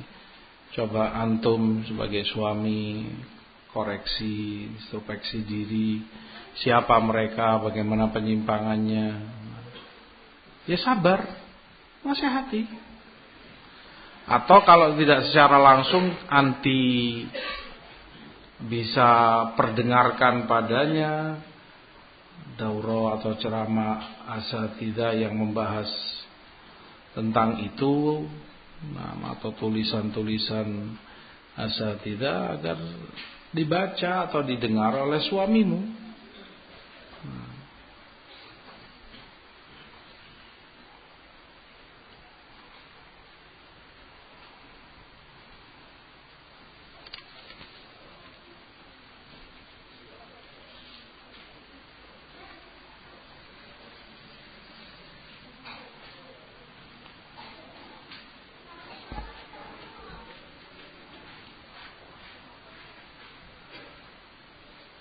Tentang imunisasi secara umum dia tidak mengapa dan diperbolehkan oleh para ulama kita. Karena itu tindakan untuk terhindar seorang muslim dari e, bakteri atau penyakit tertentu yang dikhawatirkan virus atau apa. Secara umum kalau yang ditanyakan tentang imunisasinya diperbolehkan. Dan itu banyak. Makanya Rasulullah SAW memberi keutamaan atau anjuran makan kurma, ajwa dalam riwayat tujuh biji agar terhindar dari sihir. Ini kan sama seperti imunisasi. Sihir belum kena kamu. Supaya tidak kena, makanlah kurma ini. Kan sama. Imunisasi pun begitu. Disuntikkan supaya kamu tidak terkena penyakit ini. Apa bedanya? Kamu baca surat ini, kamu baca ayat kursi, dikir-dikir pagi siang agar kamu tidak terkena godaan syaitan. Anakmu kamu bacai u'iduka bi kalimatillahi tamah min syaitan wa hama wa min ain lama agar terhindar selamat dari gangguan syaitan, mata yang jahat, Begitulah. Syariat membolehkan. Nah, Adapun masalah pemilu berkali-kali telah sering disebutkan bahwa itu kita melihatnya mungkar. Artinya sistem atau cara yang mungkar tidak sesuai dengan syariat Islam ini yang mulia maka kita hindari karena itu dan tidak ada ketaatan kepada siapa pun kalau itu kemaksiatan kepada Allah La ta'ali makhluk fi maksiatil khaliq. Hindari. Tetapi tentu dijaga agar lebih arif. Artinya nggak perlu kemudian dengan cara-cara yang atraktif atau mencolok apalagi kalau itu komunitas tertentu sehingga terlihat Oh itu mereka nggak mau begini begini. Akan mengundang fitnah dan ini. Hindari dengan cara arif. Hindari dengan cara yang bijak. Nah.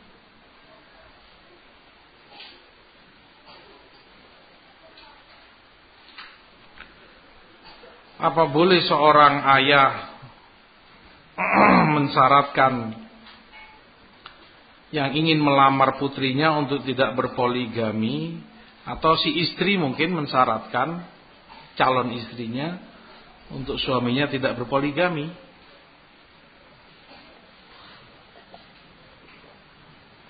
Saya mau terima lamaran Anda asal dengan syarat jangan poligami. Nggak boleh menikahi wanita lain setelah engkau menikahi aku. Dan itu syarat.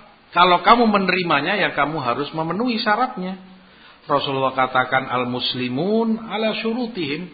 Muslim itu terikat dengan syarat yang telah mereka sepakati. Maka nggak boleh kamu poligami. Dan itu syarat dia. Nggak ada paksaan. Kamu nerima ya harus kamu konsekuensinya kamu jaga. Kalau memang itu kamu terima, kamu nggak cocok dari awal ya sudah nggak usah kamu nikahi. Oh ya maaf, Eh, mungkin kita belum ketemu, nggak cocok, cari yang lain. Kamu terima, ya kamu harus jaga konsekuensinya. Itu syarat. Syarat itu harus dijaga. Terikat muslim dengan syaratnya seperti yang Rasul katakan.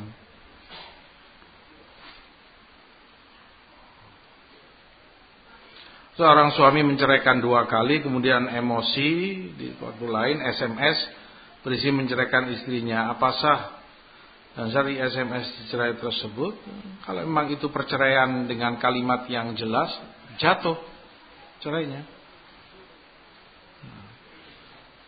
Adapun kalimat yang jelas ma'ruf, kalimat kamu talak, kamu firok, kamu cerai, nah. Emosi eh, fukaha membagi ada yang emosi tapi kamu sadar apa yang kamu katakan. Ya kamu marah memang.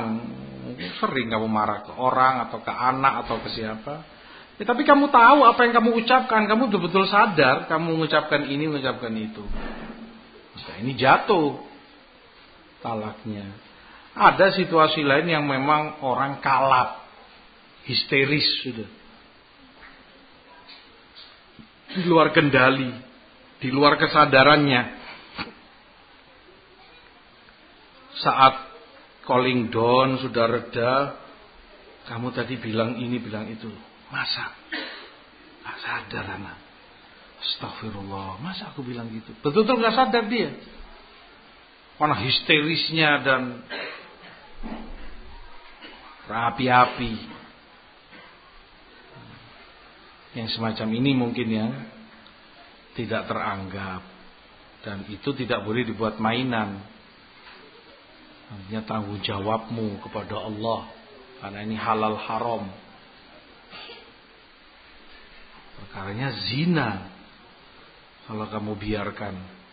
Sementara sudah jatuh talak ketiganya. Bain sudah. Itu bukan istrimu lagi. Wanita asing sudah begini sampai dia menikah dengan lelaki lain. Nah.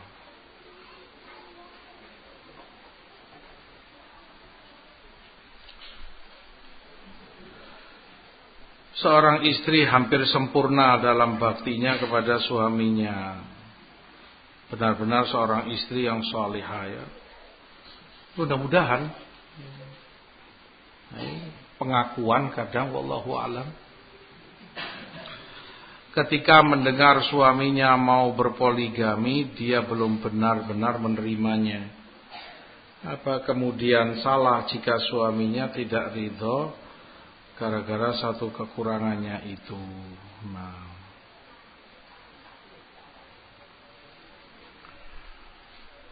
Kalau itu sebatas kecemburuan Eh, marah atau apa ya? Ya emosi atau terbakar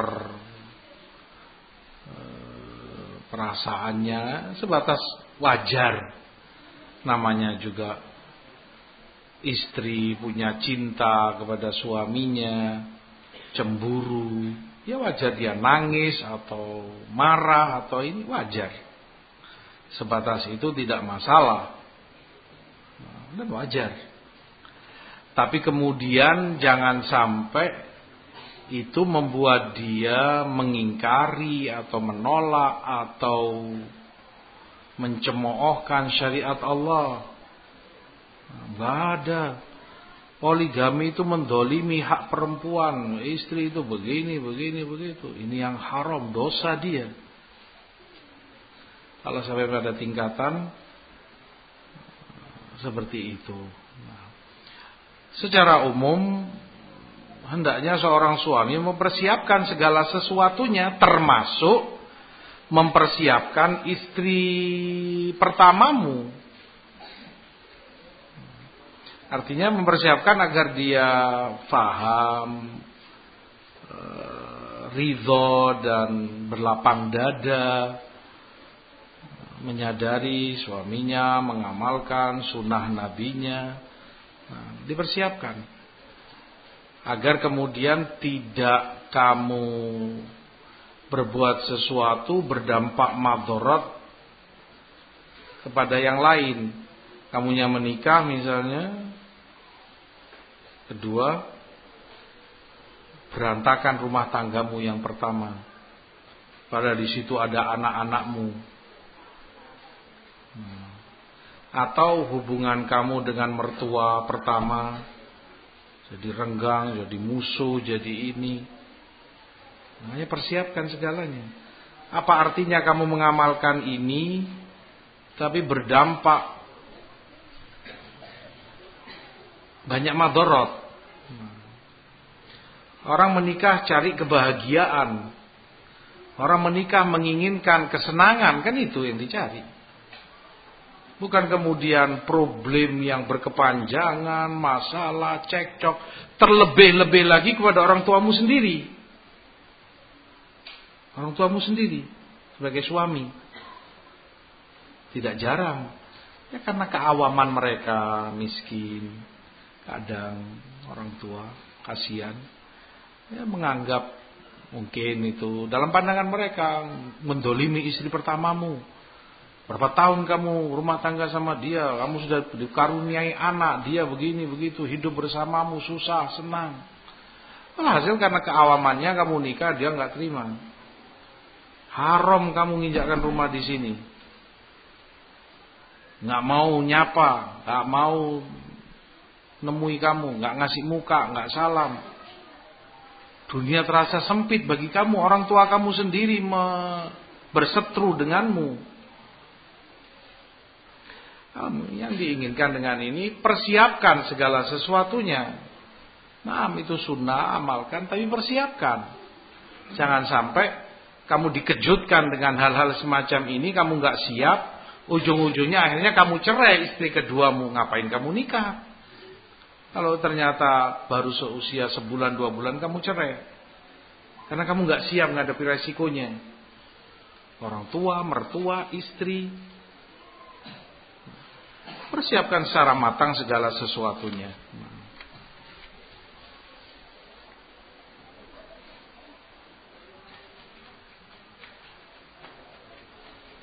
Seorang janda karena ayahnya tidak menyetujui poligami, dia putuskan menikah memakai wali hakim, mudin. Setelah ngaji baru mengetahui bahwa ini tidak sah. Muskil.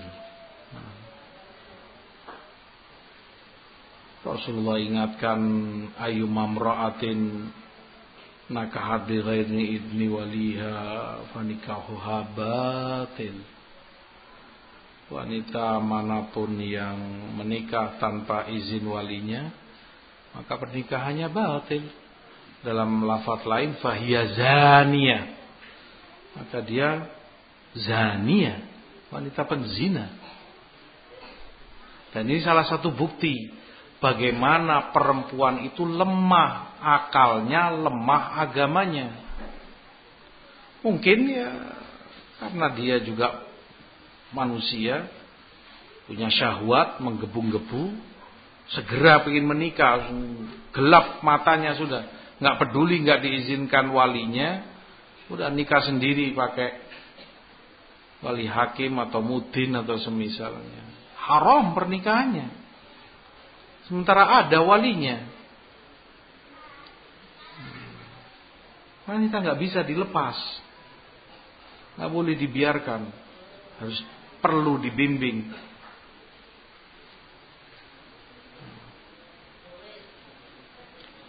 Kan muhim eh, kalau itu mungkin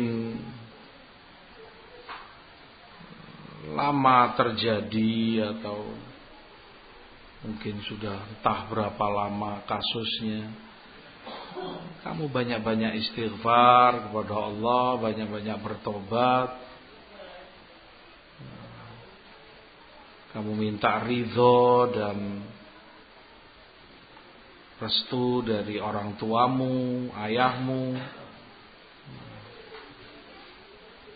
Bagaimana agar keluargamu diridhoi olehnya. Dan ini juga tujuan pernikahan.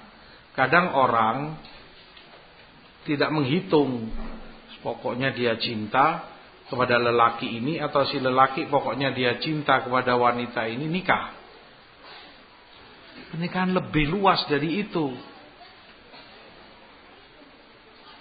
Apa gunanya rumah tangga sementara orang tuamu benci musuh kepadamu. Ini pun benci musuh pada si istri ini. Kamu mau ke mana? Siapa yang kamu silaturahmi padanya? Pernikahan itu untuk diridhoi, cari kebahagiaan. Orang tuamu menghormati, cinta kepada istrimu. Mertuamu pun cinta menerima kamu dengan baik. Begitu. Itu tujuan pernikahan. Terjadi hubungan baik di antara dua keluarga, besan. Semua itu tujuan dalam pernikahan.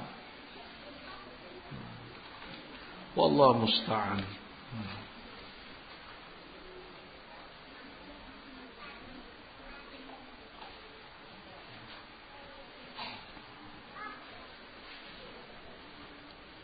Nah,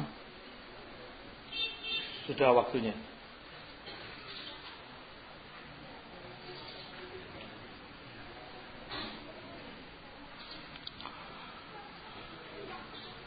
Sebagaimana disabdakan yang tidak mengikuti sunnahku maka bukan dari golonganku atas dasar itu mohon nasihat kepada para ummahat yang suaminya ingin ta'adud sering mengancam akan begini dan begitu yang pertama barakallahu yang dimaksud di dalam hadis Man raghiba an sunnati falaysa minni. Yang Rasul ancam itu yang benci, nggak mau meninggalkan atas dasar ketidaksenangan, meninggalkan atas dasar kebencian, musuh dengan itu, menyalahi sengaja melanggar karena yang tidak senang. Ini yang diancam. Maka nggak semua yang ta'adud masuk di situ. Itu tadi. Nggak semua orang yang ta'adud. Mungkin dia nggak ta'adud karena alasan ekonomi mungkin. Mungkin. Dia merasa belum mampu karena ekonominya masih kembang kempis. Dan Kamis. Mungkin karena alasan tadi orang tuanya. Atau yang lain-lainnya. Nggak semuanya masuk dihantam kromo faman rohiba an sunnatin lah nggak semuanya namun di sisi lain juga eh, para istri ummahat untuk bersabar untuk mendukung dan membantu suaminya jika ingin mengamalkan sunnah tersebut. Nah, menikah lagi dengan wanita solihah yang lain. Untuk memperbanyak keturunannya dengan itu memperbanyak umat Rasul SAW membuat Rasulnya bangga dengan banyaknya umat beliau Sallallahu Alaihi Wasallam. Perlu dididik ditanamkan kepadanya iman terhadap takdir.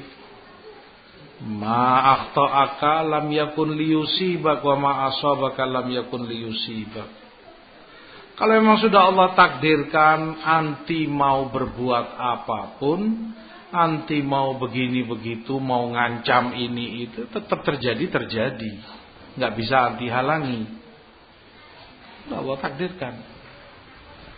Tapi jika belum Allah takdirkan, nggak perlu anti ancam, nggak perlu anti marah, nggak perlu anti begini begitu, ya nggak akan suamimu ta'adud.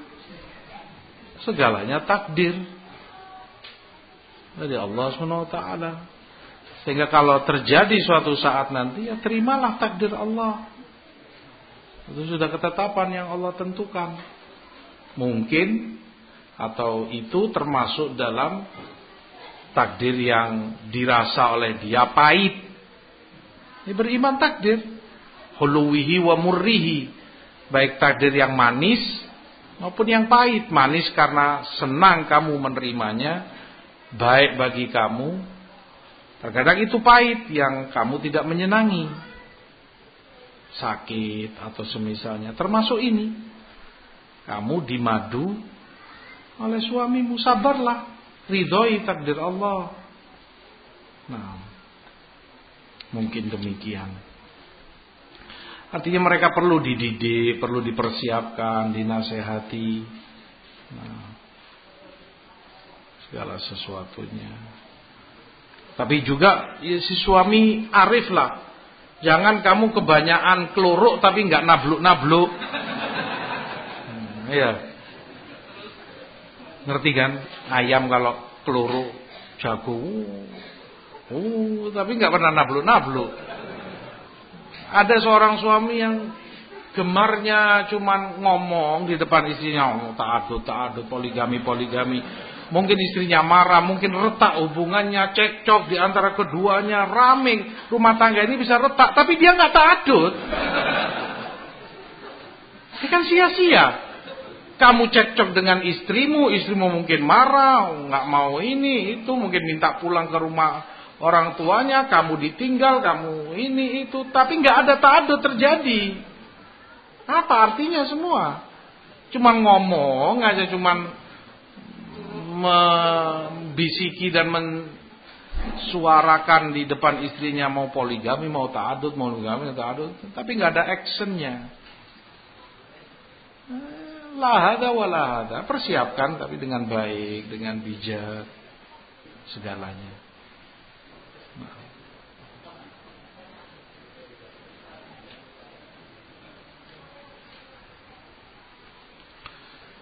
Istri kami belum mau diajak ngaji. Sementara kami rindukan istri yang mau aktif ngaji. Boleh kami menikah lagi.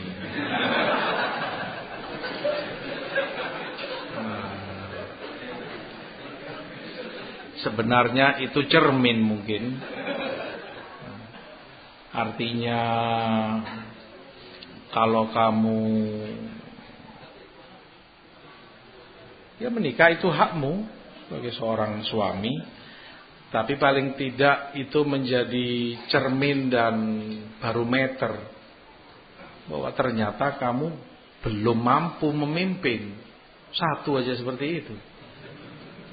Untuk memimpin istrimu mau belajar, mau ngaji, mau diajak iltizam, istiqomah, mungkin misalnya pakaiannya, penampilannya, keluar rumah, ini itu. Yang ini aja kamu nggak beres.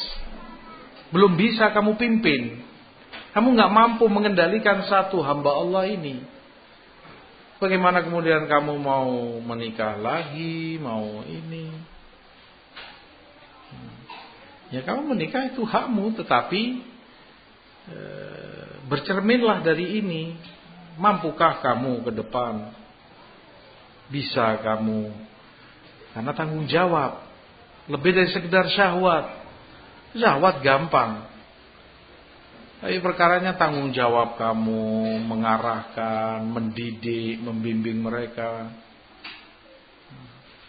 Perhitungkan pernikahan lebih dari sekedar syahwat antara suami dan istri. Hmm.